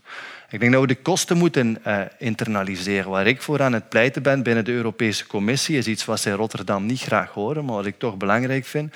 Uh, dat is een containertax. 1200 euro per container die hier vanuit Azië aankomt. Waarom? Omdat dat staat voor de reële kost van de vervuiling en de transportoverlast van elke container die vervoerd wordt. Die grote containerschepen lijken heel proper, eh, maar eigenlijk zijn die heel vervuilend, eh, toch nog altijd. Ehm, maar betekent dat dan het afschaffen van de markt? Nee, het betekent eigenlijk het efficiënter maken van de markt. Efficiëntie van de markt is niet alleen zoveel mogelijk produceren, maar ook tegen zo laag mogelijke kost. En niet alleen zo laag mogelijke financiële kost, ook zo laag mogelijke werkelijke kost. Dus dat is niet strijdig met um, de idealen van de vrije economie, met Smith en, en eender wie. Ik denk dat dat net een kwestie is van de economie efficiënter maken, in heel veel opzichten. Onderwijs vind ik ook een cruciale. Investeren in bildung, bildung en nog eens bildung. Wat wij hebben in onderwijs is eigenlijk één pijler: leren produceren. Onderwijs zou eigenlijk moeten bestaan uit drie pijlers. Leren produceren, waarvoor je alle wiskunde en van alles en nog wat nodig hebt. Maar ook leren burger zijn. Wat is dat? Burgerschap. Uh, leren consumeren. Binnenkort ga je werken en hopelijk kom je aan die 35.000 gemiddeld inkomen. Heb, je dat heb, je dat, heb je die bestedingsmogelijkheden? Maar heel veel jonge mensen weten gewoon niet wat kwaliteitsvol is. Heel veel jonge mensen kunnen niet eens nog een, een, een, een echte houten kast onderscheiden van spaanplaat. Terwijl het ene duurder hoort te zijn dan, dan het andere. Ja, maar dat is zo. Als je die inschatting niet kunt maken, dan, dan kun je ook niet inschatten wat veel geld waard is en wat eigenlijk gewoon dure rotzooi is. Ehm, en, en, en die, ja, maar die onwetendheid zorgt er wederom voor dat vaak heel veel geld, vooral via de IKEA's van deze wereld, in de richting van activiteiten wordt gestuurd die niet duurzaam zijn, die in onze economie, behalve voor een aantal onderbetaalde uh, winkeliers en winkeliers, winkeliersters, hoe zeg je dat in mooi Nederlands, uh, niet, niet, niet zo heel veel betekent. Dus eh, voor mij is het um, injecteren van esthetiek en ethiek in het onderwijs een beginvoorwaarde om die kanteling naar die betere economie uh, te maken. Dus dat intern. Hè, je waarden, je normen, je principes als samenleving op scherp stellen. Hè. Ervoor zorgen dat je die uitdraagt. De manier waarop je consumeert, de manier waarop je bouwt. We bouwen vandaag gebouwen met hele kostbare grondstoffen die berekend zijn om twintig jaar mee te gaan. En we lijmen alles aan elkaar zodanig dat als ze uh, hun levensloop door zijn, dat je niet anders kunt dan een grote kraan uh, aan te rukken, heel de boel naar beneden te trekken, te vermalen en in het beste geval ergens onder een, een 10 centimeter asfalt van een snelweg te steken. Dat makes no sense. Het zijn vaak, of niet altijd mooie gebouwen, maar vooral, wat zeggen ze over de samenleving? Uiteindelijk is het McDonald's cultuur toepassen op een van de meest kostbare dingen, zijn je, je, je gebouwen. Um, dus de trots en de fierheid en de ambities en de aspiratie en de hoop van een samenleving zijn eigenlijk dingen die niet alleen tot uitdrukking komen in een grondwet en allerlei andere ronkende dingen, maar ook door de manier waarop we zaken doen. Hoe wij ons houden als burgers in het dagdagelijkse leven. We klagen vaak heel hard over het gebrek aan aanpassing van bepaalde groepen. Maar als ik gewoon de trein opstap en ik zie hoeveel mensen gewoon blijven zitten als er een zwangere vrouw ergens um, een plek zoekt, wat zegt dat? Um, dus het is een kwestie voor een stukje onszelf een spiegel uh, voor te houden, maar de essentie van overleven in de jungle die de wereld is en zal blijven, betekent ook voor een, voor, voor een groot deel dat je als burger en, en als mens toch probeert te streven naar, naar, naar, naar het goede. Uh, en en, en het, het, probeert te bouwen aan een, een lotsgemeenschap waarin we aanvoelen en begrijpen uh, waar, we, waar we naartoe willen en elkaar daar ook in, um, in aanmoedigen.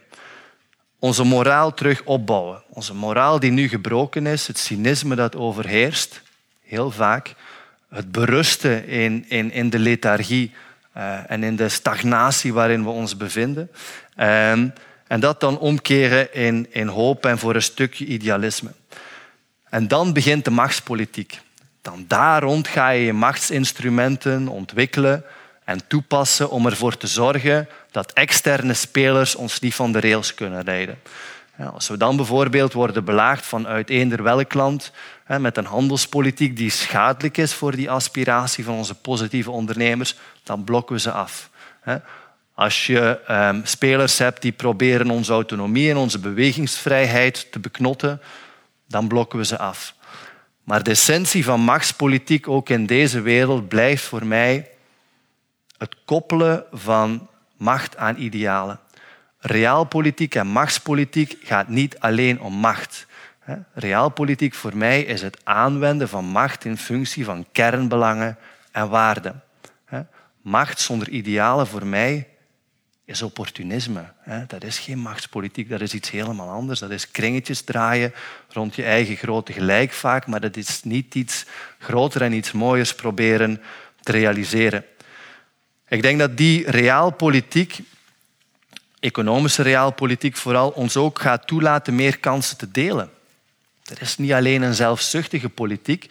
Als wij hier de welvaart bijhouden, wel, dan is het voor ons ook minder noodzakelijk om anderen te gaan exploiteren om onze koopkracht overeind te houden.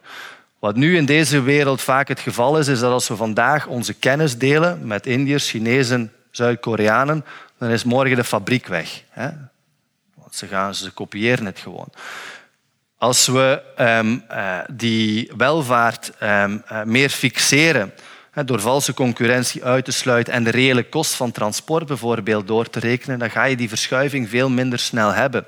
En dan kunnen we gerust onze kennis ter beschikking stellen aan Chinezen, aan Indiërs, aan Afrikanen. En kunnen we ze ook helpen emanciperen om een eigen lot in handen te nemen. Niet om een soort van mini-Europa te bouwen, om een kloon te worden eh, van, van, van ons eigen westerse of Europese model. Nee, laat die culturele diversiteit floreren, net zoals die binnen Europa uh, moet floreren. Maar dat we wel die landen kunnen ondersteunen om voor een stukje bij hun stabiliteit terug te vinden om een middenklasse op te bouwen, om een eigen groep um, uh, ondernemers uh, te ontwikkelen, zodanig dat de druk om naar Europa te komen vanuit een, een, een, drijfveer van armoede ook, um, ook minder groot wordt. Zodanig ook dat um, elders in de wereld die misnoegdheid die bestaat, die onzekerheid die bestaat bij heel veel, veel mensen, niet blijft leiden tot het soort van nationalisme, dat sowieso schadelijk is voor, ehm, voor de wereld uh, tout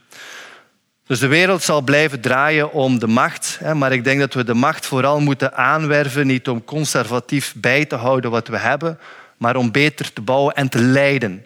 Ik vind dat geen vies woord. Europa moet opnieuw leiden. Niet dingen gaan opleggen aan anderen, maar wel te tonen dat het nog beter kan. Dat vooruitgang opnieuw een kwestie kan zijn van mensen. Dat we kunnen groeien, maar dat we door de vooruitgang meer en meer mensen in staat stellen om meer en meer van hun behoeften, en niet alleen materieel, ook zelfontplooiing en samenhorigheid, kunnen ontwikkelen of kunnen realiseren door meer van onze capaciteit in te zetten, door volwaardig mens te zijn. Ik denk dat in het beginsel machtspolitiek een humanistisch project is. Dat is ook wereldwijd zo. Lees Lees de meditaties van Marcus Aurelius. Lees Mencius. Lees Kautilya uit India. En één voor één stellen zij hun keizers of, Marcus Aurelius zichzelf voor dat die machtspolitiek moet blijven draaien om het volwaardige mens te zijn. En dat daar ook een politieke rationale achter zit. Want mensen die ongelukkig zijn, die gaan zich afzetten tegen de politiek. En in de tijd van Kautilya uh, en van Mencius betekende dat dan vaak dat ze vijanden gingen binnenhalen. Eh, of, of Machiavelli schreef ongeveer hetzelfde. Dat, ze, dat ze de Fransen gingen binnenhalen en, in opstand komen. Dus ik denk dat er geen paradox hoeft te bestaan tussen machtspolitiek en idealisme. Ik denk dat goede machtspolitiek idealisme net omarmt en vooral ook voor een heel groot stuk, ondanks de realistische analyse die we maken van de wereld, heel erg hoopvol blijft. Voilà, dat is mijn analyse in heel kort bestek.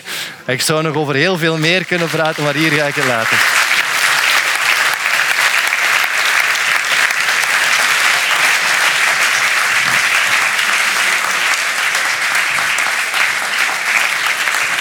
Deze is voor jou. Ja, dankjewel. Dankjewel voor uh, dit enorme panorama. Um, uh, Misschien een eerste vraag. Uh, uh, als je het begin van het verhaal krijg je de indruk, dit, dit gaat naar een soort pessimistisch scenario, maar je eindigt toch op een bepaalde manier op een optimistische noot, zeg maar. in ieder geval wat, wat Europa betreft. En je had het over patriotisme, je had het over nieuwe waarden. We mogen allemaal geen billies van Ikea meer van je kopen. Um, Um, en dan komt het allemaal wel goed. Hoe, hoe, hoe, hoe, realistisch is dat als je kijkt naar de, de politieke situatie waarin we. Uh, want dat patriotisme waar je het over heeft, is, he, lijkt Europees patriotisme te zijn. Mm. Uh, wat de realiteit is, is dat, dat de, de, de deelnemende uh, staten aan de Europese Unie steeds meer in zichzelf gekeerd lijken te zijn. dat de populist, nationalisme hoogtij viert, nu ook bij, bij onze oosterburen. Dus waar komt dat optimisme uh, van, vandaan als je gewoon naar de, naar de ontwikkeling nu in Europa kijkt? Ja, wel, um, je hoort me niet noodzakelijk zeggen dat ik optimistisch ben over de toekomst. Ik geloof wel dat een betere toekomst mogelijk is. Maar het ligt aan ons om die vorm te geven. Die toekomst gaat niet uit de lucht komen vallen. Dat is waar, waar, waar, waar u, ik mhm. en, en iedereen uh, in zijn dagdagelijks leven werk van, van, van moet maken. Kijk, er zijn, er zijn twee dingen die mij drijven in mijn, in mijn... Nee, drie dingen die mij drijven in mijn analyse. Eerst en vooral dat ik ehm, nu toch al 15 jaar echt de kans heb gehad om, om geprivilegeerd getuige te zijn geweest van die machtspolitiek. Ik heb het voor mijn neus zich zien manifesteren en dat heeft mij heel bezorgd gemaakt. En ik ben echt bezorgd. Ik denk dat de wereld een heel akelige, gevaarlijke plaats is geworden. En, en je kunt dat dan historisch perspectief, in historisch perspectief uh, plaatsen en vragen, ja, is het wel allemaal zoveel erger en zo? Dat is een andere discussie, mm. maar vandaag zijn we echt toch wel op een, uh, een, een, een heel gevoelig punt uh, opnieuw terecht, terechtgekomen. Een, een tweede um, ervaring vooral die mij heeft gesterkt om te zoeken naar oplossingen, um, is dat ik ook de kans heb gehad om de voorbije jaren heel veel mensen te praten en met heel veel mensen te praten en ze te ontmoeten die het al voor een heel groot stuk hebben meegemaakt. Politici, zo rond de 65ste, mensen echt absolute top wereldwijd van de bedrijfswereld, grote bankiers, uh, Goldman Sachs, noem maar op. En als ik bij hun iets heb gevoeld, was het bijna een existentiële crisis. Van, we hebben het gehad, de macht en het geld en het aanzien, decennia lang, maar we hebben ermee gedaan. Ik heb mijn eh, privéjet en ik heb mijn resort hier en daar, maar ik moet mijn kinderen in een gated community steken en ik moet drie panic rooms in mijn huis bouwen, want anders voel ik me niet veilig. Druk me lapidair uit, maar daar komt het wel een beetje op, eh, op, op neer. En dan storten ze zich natuurlijk als gekken op de charity en, en, en dergelijke meer, maar dat is een beetje te laat dan. Mm dus ik heb zoiets van, ja, ik hoef niet te wachten tot mijn 65ste om, om tot die conclusie te mhm. komen. Ik heb nu de kans om dingen te zien, om met mensen te praten. En dan vind ik het ook mijn taak om dat in alle bescheidenheid, want ik heb de waarheid niet, niet in pacht, dat is mijn persoonlijke analyse op dit moment. En misschien is die een aantal jaar uh, nadien weer wat anders, uh, om dat te delen. Een derde is ook, en dat is een heel persoonlijk uh, gegeven, ik ben vader van, van twee dochters. Dat is verdorie het enige wat ik voor ze kan doen. Ik kan geld verdienen. en ik verdien geld en ik verdien goed geld. Uh, maar wat ben je daarmee als je door je inkomen op te krikken je samenleving uh, kapot maakt? Niet. Dus ik vind het ook naar hun toe mijn plicht om toch minstens mijn steen bij te dragen. Ik zou me achteraf heel, heel, heel schuldig voelen. En dan misschien nog een laatste het leven is gewoon veel interessanter als je een beetje strijdvaardig bent. Ik, de ene dag moet ik toegeven, en soms s'avonds dat ik echt niet slaap. Uh, als je de dingen meemaakt en discussies, dan denk je van, oh, wat, wat gaat dit weer worden? Maar anderzijds, you, you feel alive. Hè? Uh, als, je, als je voor iets kunt vechten. Uh, dus dat is één. Twee, dat gegeven patriotisme. Kijk, wat bij mij het vertrekpunt is, is humanisme. Als, als, als ik iets op mij kleef als etiket, dan is het humanist. En niet zozeer omdat ik me afzet tegen God of zo, dat is voor mij niet eens de essentie, maar omdat ik vind dat, zoals Neruda schreef, het eigenlijk vooral onze taak is om het leven ten volle te leiden, in al zijn aspecten. Um, en dat natuurlijk ook te doen op een manier dat je de andere uh, kansen, uh, kansen verschaft. Dus volwaardig mens zijn en andere mensen dat toelaten. En als je dat dan vertaalt naar een lokaliteit. Want uiteindelijk blijven we met de meeste mensen toch een beetje op een kluitje samenleven. In Nederland of in, in, in, in, in Nijmegen of elders. En dan krijg je een soort van lotsgemeenschap. En wat is dan patriotisme? Dat is dan liefde voor die samenleving en liefde voor je land. Niet omdat je de anderen haat, maar omdat je toch voor een aantal waardevolle dingen naar de geschiedenis terugkijkt. En ik denk dat Nederland en wij dat perfect kunnen. We hebben foute dingen gedaan, we hebben ook heel veel goede dingen gedaan. Um, en vooral dat je heel veel fierheid schept in een gezamenlijk toekomstproject. Patriotisme is geschiedenis, maar is net zozeer eh, toekomst. En is vooral een aspiratie om je plek, je samenleving, je dorp, je stad, je land, wat dan ook, mooier te maken. En niet zozeer om de anderen uit te sluiten. Dat staat dan ook haaks op het nationalisme waar je naar verwijst. Ik denk dat Frans Timmermans daar ook de nagel op de kop slaat. Er is voor mij een wezenlijk verschil tussen patriotisme en nationalisme. Nationalisme is eigenlijk angst omzetten in meer angst. Patriotisme is bezorgdheid voor een stuk omzetten in, in hoop. Het voordeel van nationalisten en populisten op die flank is um, dat ze natuurlijk een eigen markt creëren. Hè. Uh, angst genereert angst en, en, en, en daar hoeven ze maar uh, ja, hun, negatieve discours op, op los te laten. Mijn hele grote verwijt naar de nationalisten is dat als je vertrekt van een logica, ze vaak gewoon compleet het tegenovergestelde doen. Uh, het beste voorbeeld dat zijn de Brexiteers. Uh, van ze, hebben, uh, ze hebben nu een autonomie uh, in handen en wat doen ze? Autonomie uitverkopen aan de Chinezen. Effectief zo. Dus ehm, investeringen uit Europa vallen stil. En dus gaan ze eigenlijk Londen bij wijze van spreken op een presenteerblaadje brengen aan, uh, aan China en aan, aan de golfstaten. Ja, eh, als dat nationalisme is, dat is gewoon je reinste zwaktebod. Dus ik denk, nationalisme en dat soort van, van, van, van, van verkramping heeft gewoon geen zin. Maar ik begrijp nog steeds niet helemaal precies wat je bedoelt met patriotisme. En hoe verhoudt zich dat patriotisme tot het gemeenschappelijke Europese project? Want als ik, als ik jou hoor, denk ik, we moeten morgen nog de Verenigde Staten van Europa worden, mochten we ooit nog, wat, ooit nog ergens iets voor elkaar krijgen. Want tegen die machten die jij schetst, financiële macht vanuit uh, China, uh, technologische macht vanuit Amerika, kan alleen maar een andere macht zetten. Hoe, hoe verhoudt zich dat tot, dat patriotisme? Het is perfect complementair. Kijk, wat Europa voor mij hoort te zijn, is een bewuste alliantie van een aantal kernwaarden en normen. Mm -hmm. En wat je dan doet, is de machtsinstrumenten ehm, uh, samenbrengen. Mhm. Uh, om dat te realiseren. Wat kan dat zijn? Gezamenlijk handelsbeleid, gezamenlijk veiligheidsbeleid, energiepolitiek en dergelijke meer. Dat zijn dingen waar je een zekere schaal voor nodig hebt en die je best Europees uh, doet. Doe je dat dan intragouvernementeels of op welke manier dan ook, dat is een, een, een andere vraag. Maar ik denk dat eender welke Europese constructie perfect complementair is met patriotisme.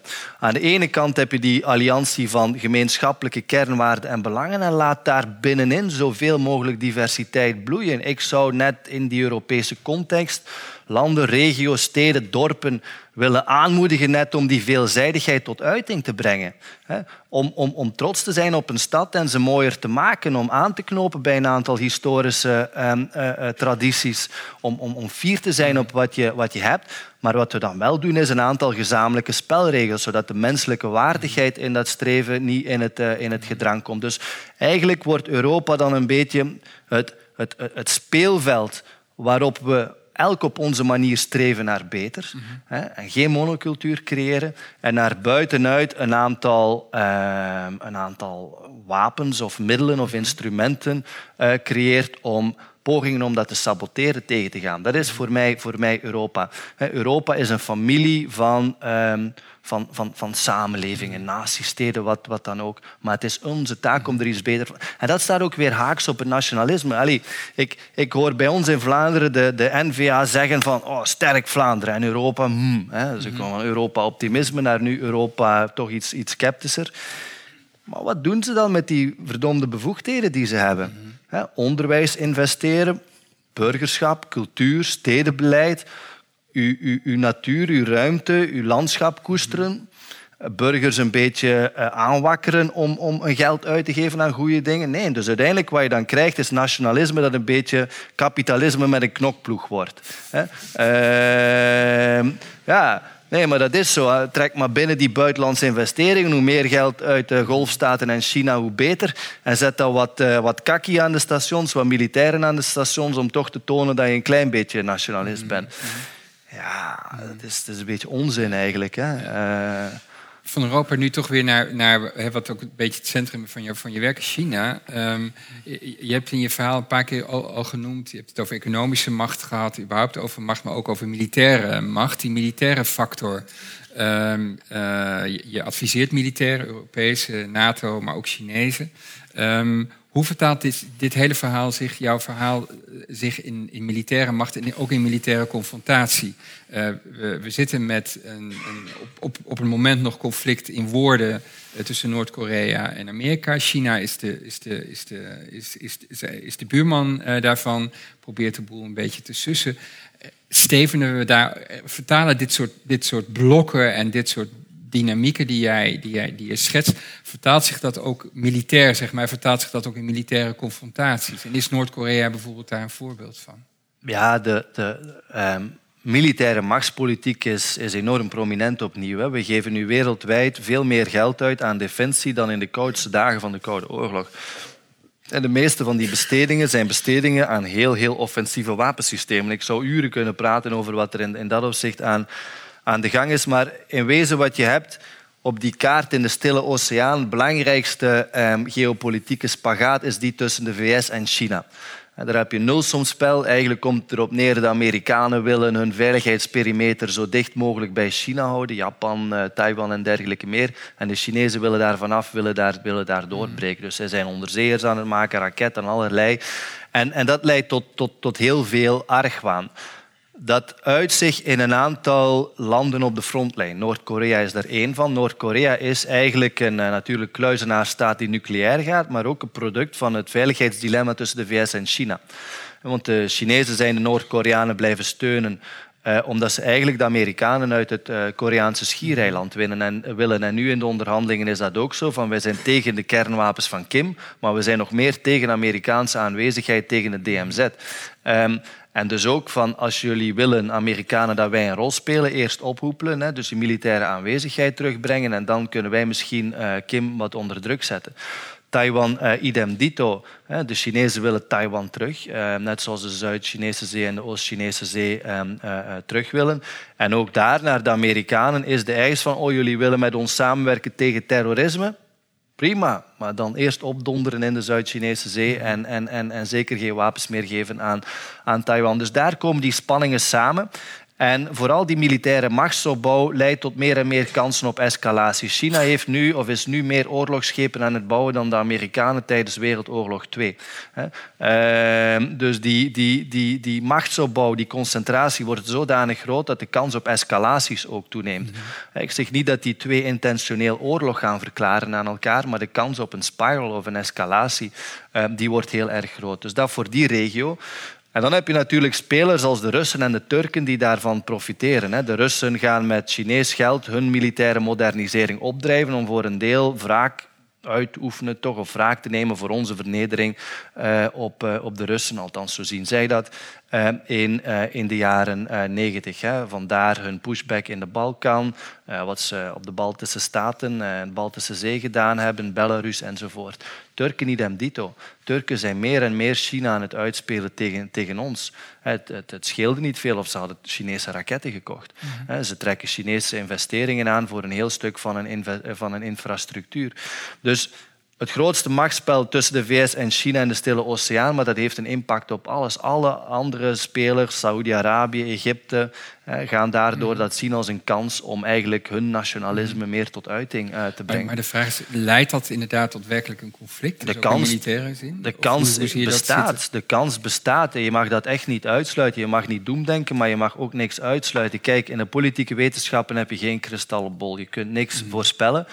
Maar ook de vraag die je moet stellen is, waarom zou het niet gebeuren? Mm waarom zou het deze keer niet het geval zijn? En dan zijn er verschillende dingen die meespelen. Wederzijds economische afhankelijkheid, dat heeft in de geschiedenis nooit echt geleid tot uh, heel veel vrede. Uh, militaire afschrikking en vernietigingscapaciteiten, want nu hebben we kernwapens. Vroeger ja. slachten we hele landen af met musketten, dus ik weet niet of dat verschil zodanig groot is. ja, er is natuurlijk wel een verschil, maar goed, de massavernietigingscapaciteit was er vroeger ook. Hè. Uh, kijk naar de grote Noordelijke Oorlog bijvoorbeeld en de impact op de demografie in Scandinavië. Maar, maar het, is, het kwalitatief is toch wel van een andere orde. Dat je weet dat als je de, op de knop gaat drukken, dat die knop ook tegen je gebruikt gaat worden. En bijvoorbeeld voor de Chinezen, waarom zouden die dat doen? Als je, wat je vertelt, als heel Europa toch al. Niemand gaat ooit op op een knop duwen met de intentie om Armageddon uh, en, en de destructie van de planeet uh, met zich mee te brengen. Net zoals heel veel oorlogen nooit begonnen zijn om uh, echt te leiden tot, tot, tot een gigantische massavernietiging van, van, van mensen. Heel veel oorlogen breken eigenlijk uit met het idee dat het kortstondig zal zijn, dat het geografisch gelimiteerd gaat zijn en dat ze gewonnen kunnen worden. Mhm. Heel veel oorlogen worden ook verklaard met het idee dat ehm, de escalatie beheerst kan worden. En dan heb je nu iets heel complex. Hè. Dus aanvankelijk in de, in de Koude Oorlog had je heel fel een verschil tussen strategische wapens, grote kernraketten die over heel de oceaan geslingerd konden worden, en tactisch conventioneel, tanks en vliegtuigen en, en, enzovoort. Dat is allemaal aan het vervagen. Ja. Dus nu heb je tussen die um, strategische raketten heb je tactische kernraketten. Um, je hebt cyberoorlog die de mm kernoorlogvoering beïnvloedt. Je hebt ruimteoorlogvoering die dat beïnvloedt. Maar, dat betekent toch allemaal? Bedoel, die, die Chinese generaals met wie je praat, die denken toch toch niet dat, echt dat ze een beperkte oorlog... Want er bestaat toch dan niet meer zoiets als een beperkte toch oorlog? Toch is een van de centrale principes in de Chinese militaire doctrine hoogtechnologische, nee, uh, lokale oorlog onder hoogtechnologische condities. dus waar zij van uitgaan is dat als het misloopt in pakweg de Zuid-Chinese zee, dat ze vooral wat dan heet in het jargon counterforce gaan. Mm Dus ze, ze, ze, ze, ze gebruiken hun missiles om Amerikaanse uh, destroyers uit te schakelen en denken dat de, um, de, escalatie beperkt zal blijven omdat de Amerikanen niet bereid zijn om San Francisco of Los Angeles op te offeren voor de Spratly-eilanden in de mm Zuid-Chinese zee. Mm Dus het, het fundamentele probleem bij oorlogvoering is, is, is dat je gewoon heel moeilijk kunt inschatten wat um, de andere partij gaat doen, dat er vaak veel overmoedigheid is. Um, en dat ook de scheiding tussen offensief en defensief heel erg, uh, heel erg mhm. nebuleus is. Mm -hmm. voor China is het lanceren van een antischipraket op een Arleigh Burke destroyer in de Zuid-Chinese Zee iets defensief wellicht. Mm -hmm. Voor de Amerikanen is dat het begin van ja. een pushback in de Stille. Oceaan en is dat bijzonder offensief. Ja. Um, dus de, de, miscalculatie van de betekenis en de waarde van die dingen voor, voor beide partijen is, is ook iets helemaal uh, iets, iets wat je heel moeilijk kunt, uh, kunt inschatten en ja. analyseren. He, dat is wat Clausewitz de, de, de, de mist mhm. noemde, want die mist is er nog altijd. Um, dus, dus ook met de nucleaire optie bedoel je? Die, ja, die maakt maar kijk, geen verschil. Nee, maar bijvoorbeeld, wat, wat is heel, heel waarschijnlijk in, in geval van een, van een contingency in Oost-Azië. Dus je hebt de Amerikanen dominant met hun oppervlakteschepen en vliegtuigen. China heeft een goed voordeel in zaken raketten. Um, en ze lanceren een Dongfeng 21D. Uh, een Dongfeng 21D is een ballistische raket, dus die dit doet, met een rijkwijde tussen tot 2000 kilometer. Maar het probleem van die Dongfeng 21 is dat je drie varianten hebt. Je hebt een variant om satellieten uit de lucht te halen. Je hebt een variant conventioneel om uh, vliegdekschepen uit te schakelen. En je hebt de nucleaire variant. Zo'n ding gaat de lucht in en je hebt 10 seconden om te reageren. Wat is het? Is het een nucleaire, is het een vliegdekschip of is het een satelliet? En zo gebeuren dus de inschattingsfouten. Ook bijvoorbeeld met tactische missiles. Rusland heeft nu Iskander staan in Kaliningrad en zo. Dat is, een, dat is eigenlijk een vrachtwagen met één raket op. Een uh, principe tactische raket, maar we weten dat er op die Iskanders nu en dan kernkoppen worden gezet. Er gaat een Iskander de lucht in. Is dat het begin van een nucleaire aanval of is dat gewoon een conventionele aanval op een, uh, op een, op een kazerne? Ja. Uh, ik, ik, word steeds depressief. ja, maar dat is, dat is iets helemaal anders. Ja.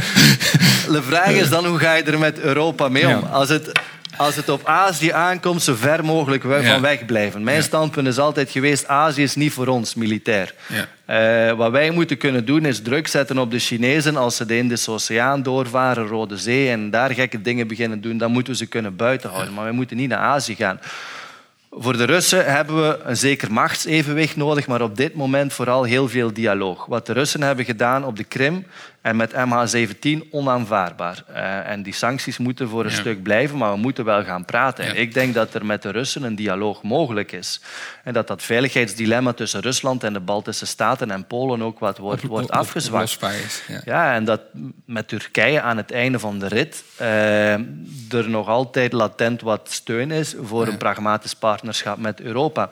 Dus Turkije en Rusland voor mij zijn beheersbare problemen als we een beetje gesofisticeerder en vooral coherenter zouden zijn. Um, maar die militaire afschrikking moet je toch wel op een of andere manier hebben. Niet zo verpletterend als de Amerikanen dat hebben, maar toch wel op een manier dat je credibel een vuist kunt ballen mm -hmm. tegen, tegen de spelers um, uh, rondom. En vooral ook, zou ik zeggen, autonoom van de Verenigde Staten. Dat partnerschap met Amerika is voor een aantal redenen belangrijk, maar dat partnerschap moeten we wel in evenwicht trekken en zorgen dat we onze eigen boontjes kunnen en Dat lijkt Trump met je eens, hè? Dus dat, dat, lijkt Trump met je, ja, met je eens. Ik vind ja. dat we moeten gaan, ja. misschien niet noodzakelijk voor de 2%, maar wel dat we op alle belangrijke defensiesystemen systemen meer Zelf, autonoom kunnen zijn. Ja, ja absoluut. Want anders, anders we kopen de F-35's, maar je koopt er ook een stukje de Amerikaanse president bij. Hè? Ja. Die, die, waar we op het moment ook zekere problemen mee hebben. Uh, het is de beurt aan jullie. Uh, er komen, uh, de spelregels is heel simpel. Er komt hand omhoog, ik zie al handen. Er komt de microfoon je toe. Spreek duidelijk in de microfoon. Spreek vooral kort. Korte vragen graag. Ik zie hier de eerste. Twee dagen geleden zei president Macron van Frankrijk of hij pleitte ervoor om een gemeenschappelijk Europees milieubeleid en veiligheidsbeleid te gaan voeren. En dat lijkt mij een goed idee. Maar na vanavond denk ik dat onze beste kans op een glansrijke toekomst is om op u te stemmen in een of andere verkiezing of zo. wanneer kan dat? Ik voel me prima in mijn huidige rol. Jonathan voor En ik heb mijn vrouw moeten beloven om voor mijn veertigste geen politiek te doen. Tot vier jaar dan. Ja. Dat was nog eens een goede openingsvraag. Daarachter. eh, kan de microfoon?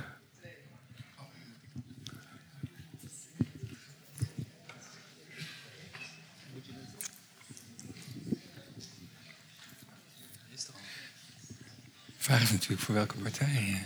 Moeilijk. Ik sprak een aantal jaar geleden op een eh, symposium sprak ik Rob Bertolet. En die gaf aan dat er Ja. eigenlijk twee indicatoren zijn... waarbij je vaak eigenlijk kan voorspellen of een land intern erg conflicten gaat krijgen. En hij gaf aan de stijging van commodities in prijs... en een overschot aan jonge mannelijke populatie. Nou, China heeft nu dankzij de jarenlange één-kindspolitiek onbedoeld... een groot overschot straks aan jonge mannelijke populatie. Hoe ziet u de toekomst voor China met die kennis achteraf?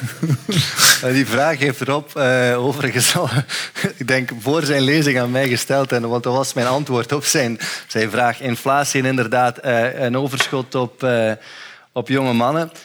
De oplossing van China is heel eenvoudig. Hè. Exporteer het overschot aan jonge mannen. Effectief. Nee, dat is hetgeen wat ze aan het doen zijn. Je moet maar kijken, bijvoorbeeld eh, dus grote Chinese bouwbedrijven, de spoorwegontwikkelaars, eh, de baggeraars.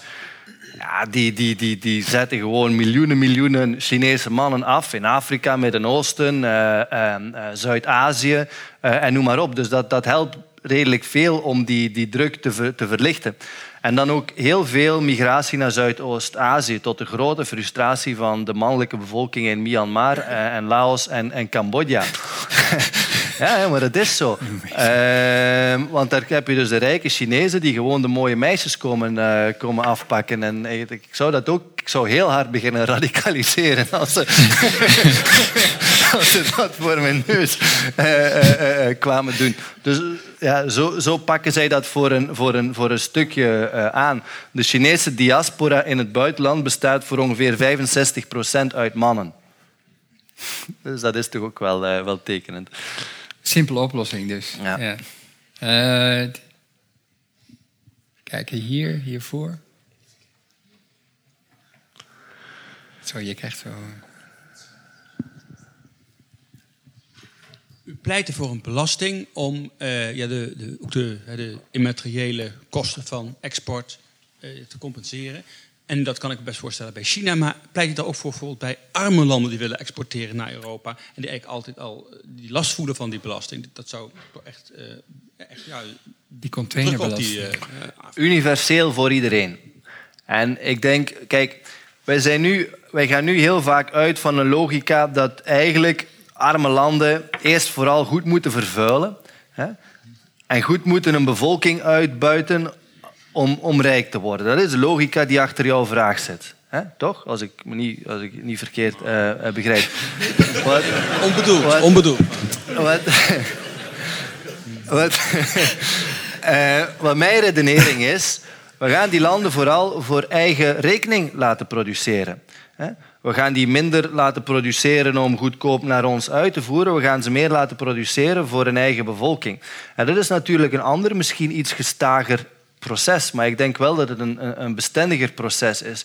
Wij gaan ze rijk maken vooral door de productiviteitswinst te laten boeken door kennistransfer.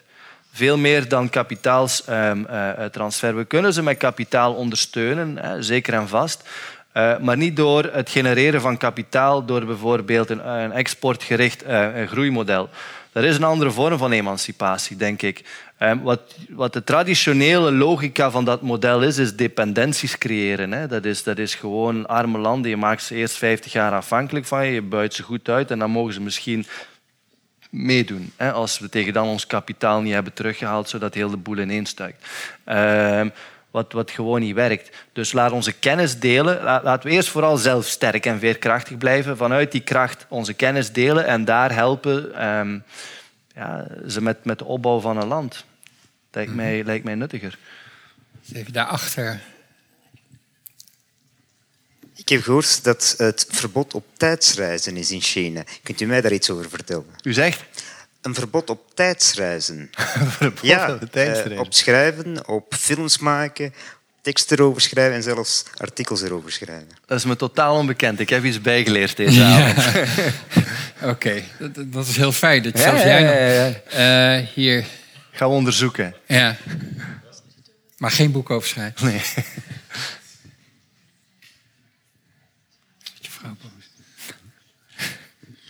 Dank u wel. U uh, heeft een uh, sterk pleidooi gehouden om de strijdvaardigheid van Europa weer terug te brengen.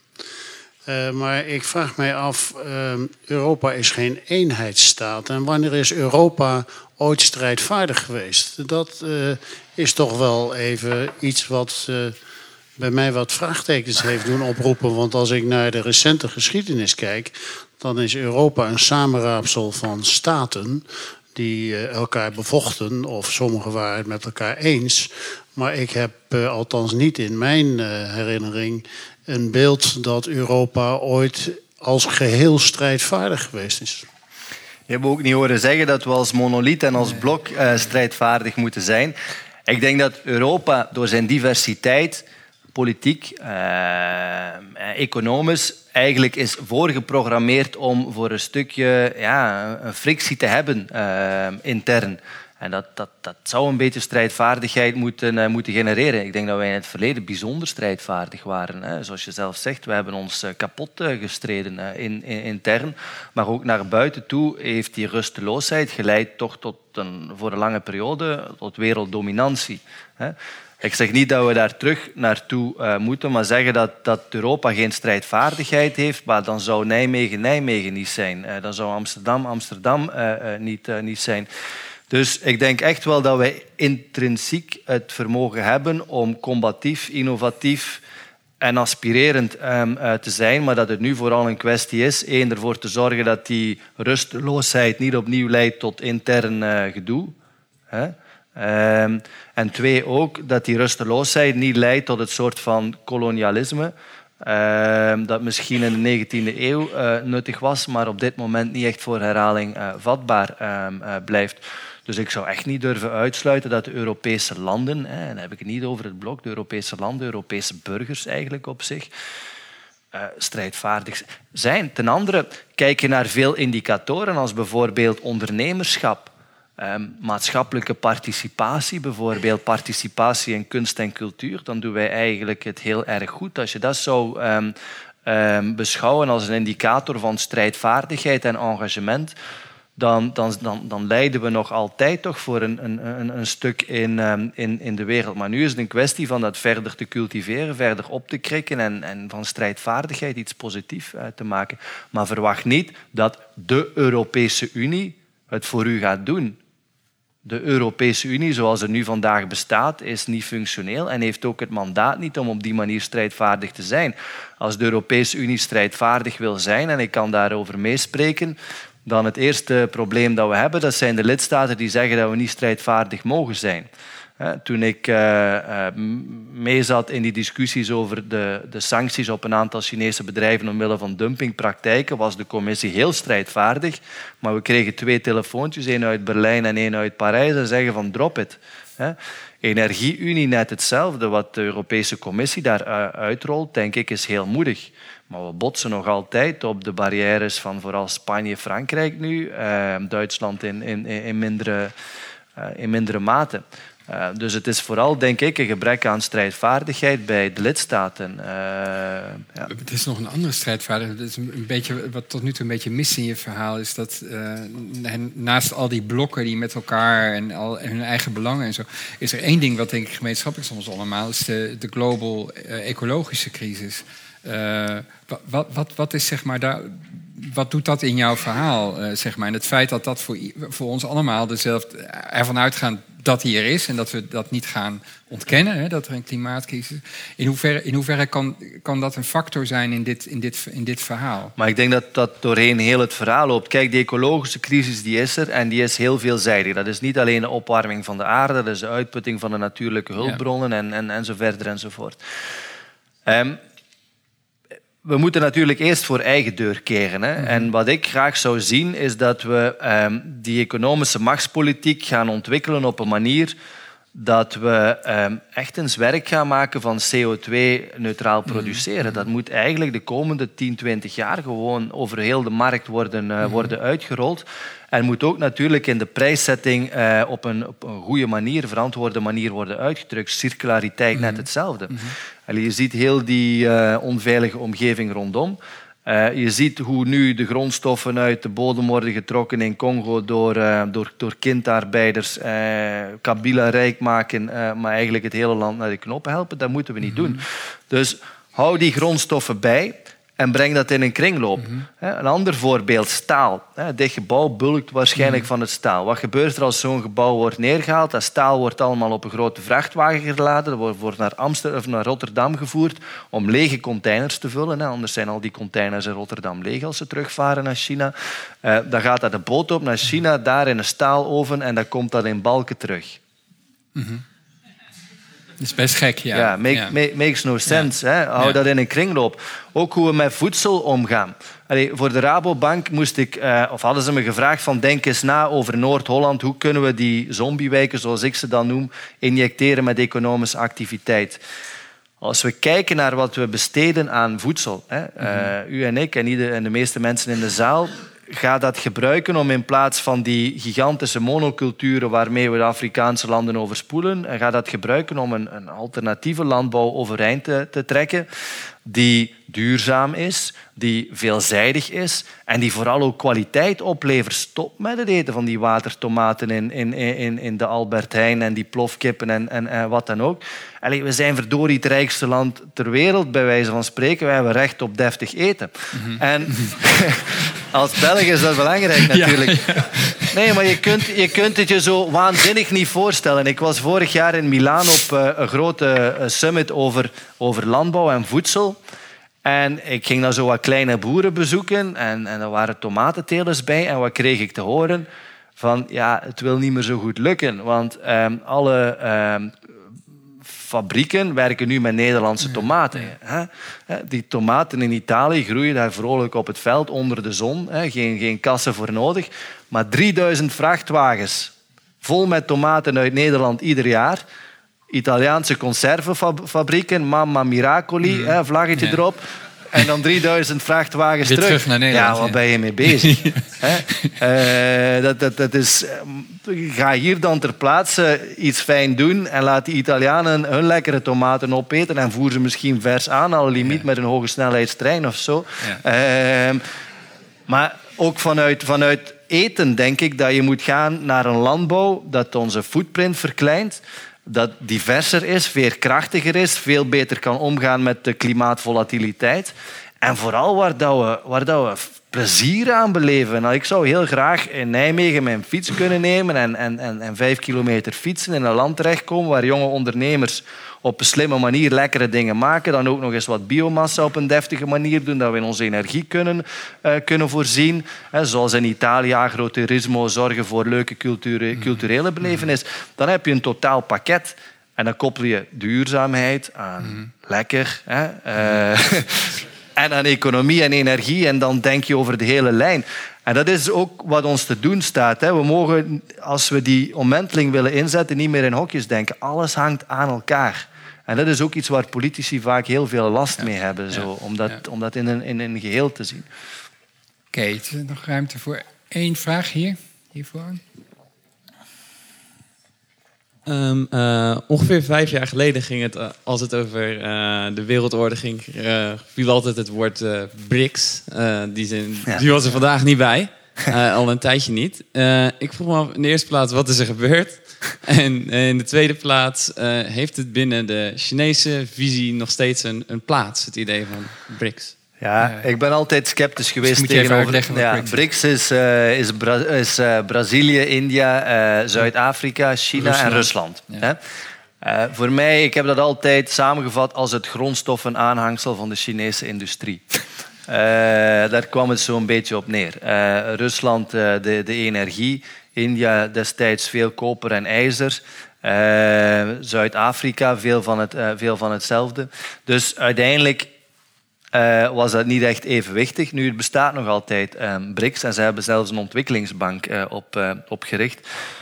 Maar voor China is dat gewoon een vehikel geweest om een beetje de misnoegdheid die bestond in Delhi en in Moskou, dat ze in de schaduw van de Chinezen moesten, moesten werken om die weg te werken. Maar de Chinezen hebben daar eigenlijk nooit echt heel veel belang aan gehecht.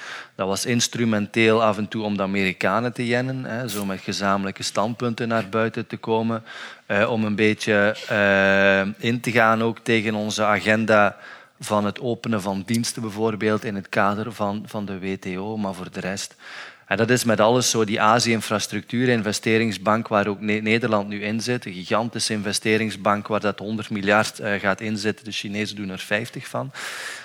Ja, dat is ook gewoon een instrument om de barbare koers te houden. Hè. Zoals de uh, uh, voormalige keizerrijken zeiden, ons idee te geven dat we mogen meedoen, maar uiteindelijk zij runnen de show.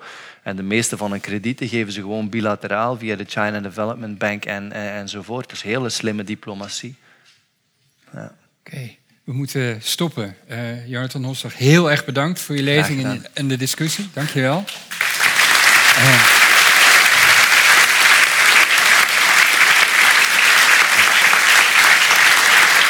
ja, nee, dank je wel. Uh, jullie bedankt voor je aanwezigheid, voor je aandacht en je vragen. Um, hopelijk tot snel ziens uh, bij een andere activiteit van Radboud Reflex. En namens Radboud Reflex, uh, veilige reis huiswaarts en snel tot ziens. Dank jullie wel.